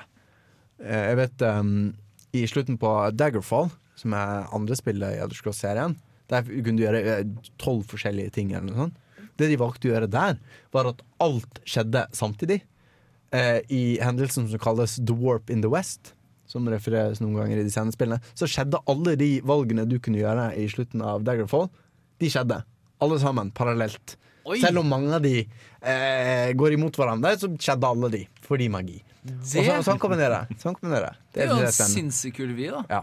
Istedenfor bare å si fuck alle andre endingene. La oss eh, gå for den vi liker best. Eller oftest good guy. Ja. Det er sykt kult, altså.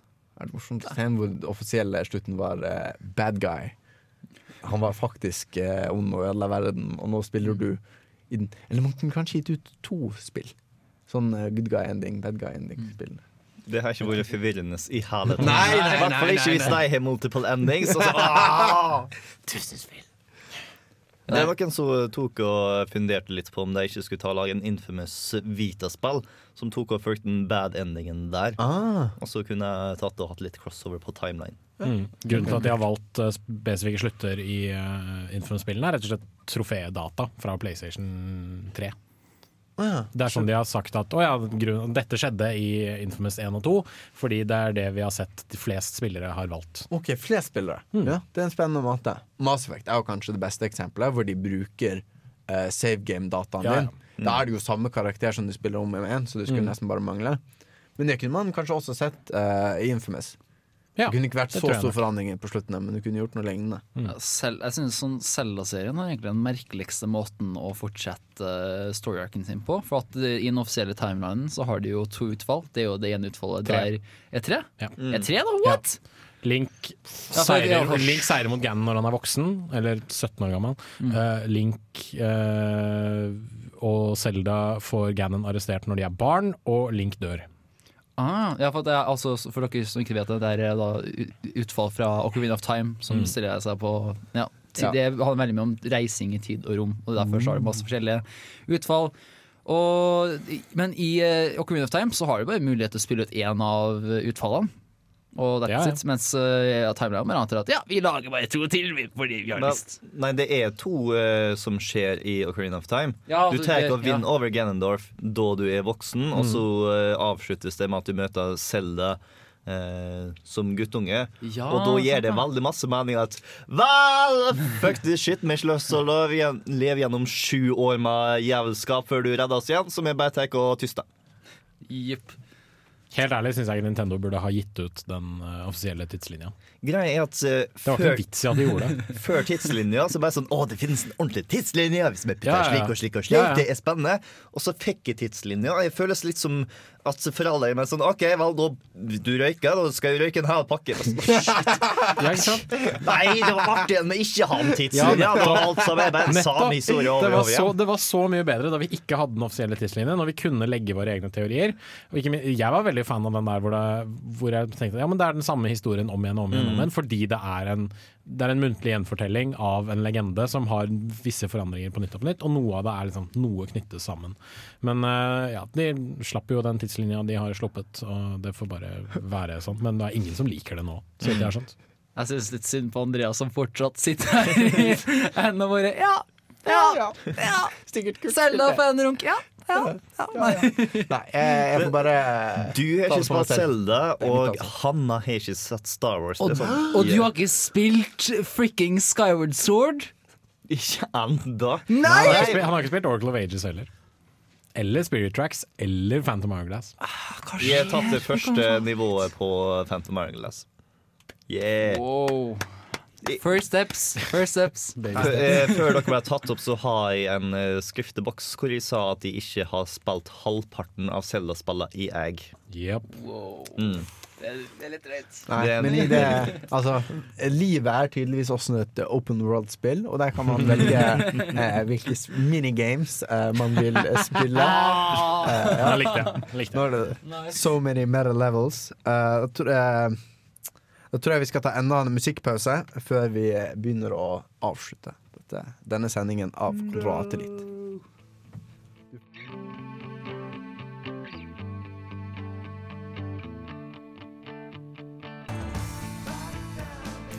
Der fikk du en låt fra Miracle of Sound, Redemption Blues, basert på eh, enda et åpen eh, verdensspill, Red Dead Redemption, som jeg tror Yeah. Alle likte ganske godt. Eh, nå tror jeg vi uh, Altså, i dag så har vi snakket om åpne verdener. Vi har snakket om uh, hvordan vi beveger oss gjennom dem, på godt og vondt. hvordan man kan hurtig bevege seg gjennom dem. og, og de tingene som motiverer oss til å oppdage i disse verdenene. Vi har snakket om hvordan det er å være alene eller sammen med andre i disse store verdenene. Så tror jeg vi ble litt enige om at vi foretrukk eh, i hvert fall ensomt eller med eh, bedre venner. Eller var det noen som eh, Kanskje Hanna skulle vært der? Som, Hanna eh, har sikkert tatt og gått inn for at uh, et guild er godt å ha i ryggen en gang iblant. Ja, men Da må du som regel kjenne de folka litt. Grann, da. Hvis Ja. du bare er en tilfeldig person i et tilfeldig guild, så er det liksom ikke helt det samme. Ja, man må i hvert fall gå inn for å Kanskje litt må være sosial i dette open world-spillet livet også. At man må, man må være litt aktiv da, og gå inn for det hvis man skal få, få glede ut av den typen uh, uh, multiplayer. Mm. Så det er, det er mange, mange måter å gjøre det på. Uh, så tror jeg Er det noen som har noen avsluttende ord om deres opplevelser i åpne verden? Ja, altså så lenge innlevelsen er god, holdt jeg på å si. At liksom det, det føles som en, som en helhetlig uh, f, Altså for, for universet, realistisk, i anførselstegn. Uh, så, så trengs det ikke så veldig mye for min del for å leve meg inn i det. Eh, jeg tror kanskje, i hvert fall i, Skyrim, det faktum at det er en, et førstepersonskameravinkel kan bidra litt til det. Eh, og ikke minst det at du bare Da har du derre Du har det bildet foran deg, og så styrer du personen din rundt. Og det, innlevelse er noe som må veldig til for at du skal gidde å spille i et sånt svært åpen verden, ellers så blir det bare at du går rundt og gjør de samme mekaniske tingene om igjen og om igjen. Jeg har bare ett sett med visdomsord til dere som hører på, eller til deg som hører på. Eller Scrolls Online. Avoid, avoid, avoid.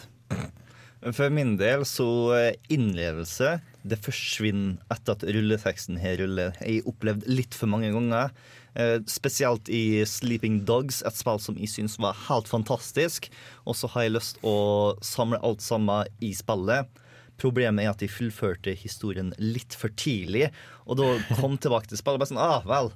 Verden virker masse mer tom nå som alle Ja, vennene mine er i Mm, mm. fengsel eller død eller kongen på verden.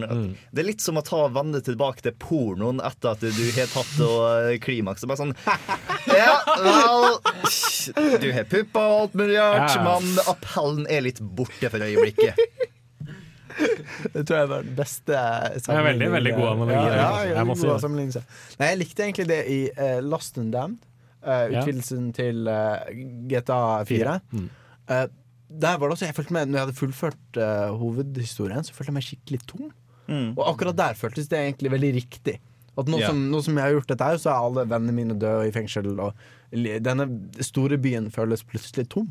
Så av og til kan det faktisk, hvis det er en del av historien, så kan det eh, være riktig. Og det er vel eh, litt konklusjonen vår, at så lenge det passer til spillet, og det passer til den typen eh, historie du vil fortelle, så er, så er Open World skikkelig, skikkelig bra. Og det er få spill vi har tror jeg, det er få spill vi har brukt så mange timer på som Mm. de spillene med åpen verden. Tror jeg Du ville si noe om eh, din sending neste uke? Chris? Ja, til neste uke så skal det andre medlemmet i Team Newbie skal endelig alene, og da er det på tide Eller temaet neste uke, da. Det blir uh, Urban Legends i spill, eller Creepypastas, som det er mer kjent som. Vi kommer til å snakke om kjente og kanskje mer ukjente urbanske legender innen spill. eh, de forskjellige typene innom det. Og ja, masse fun. Og det blir masse creepy musikk og ganske skummel stemning. Så det, det blir gøy. Så, Så- vet ja. Vær eh, beredt på neste sending av Kontroll Elite neste onsdag. Eh, Fram til da så kan du nå oss på eh, mail eller eh, andre eh, sånne digitale hjelpemidler. Nerd at radiorevolt.no. Ja, og er det, er det Og Radio Revolt presenterer Kontroll Alt Elite på Facebook. Og hva er Twitter-kontoen vår? En RR-nerd? Understrek spill. Understrek spill. Ja. RR understrek Det skjer ikke så veldig mye på den. Nei, nei, vi får bare prøve å få folk til å følge den, så Ja. kanskje det skjer noe. Da gir vi deg, avslutter vi med musikken fra et annet uh, åpen verdensspill som vi ikke har fått snakket noe om, dessverre. Saints Row 4 Soundtrack.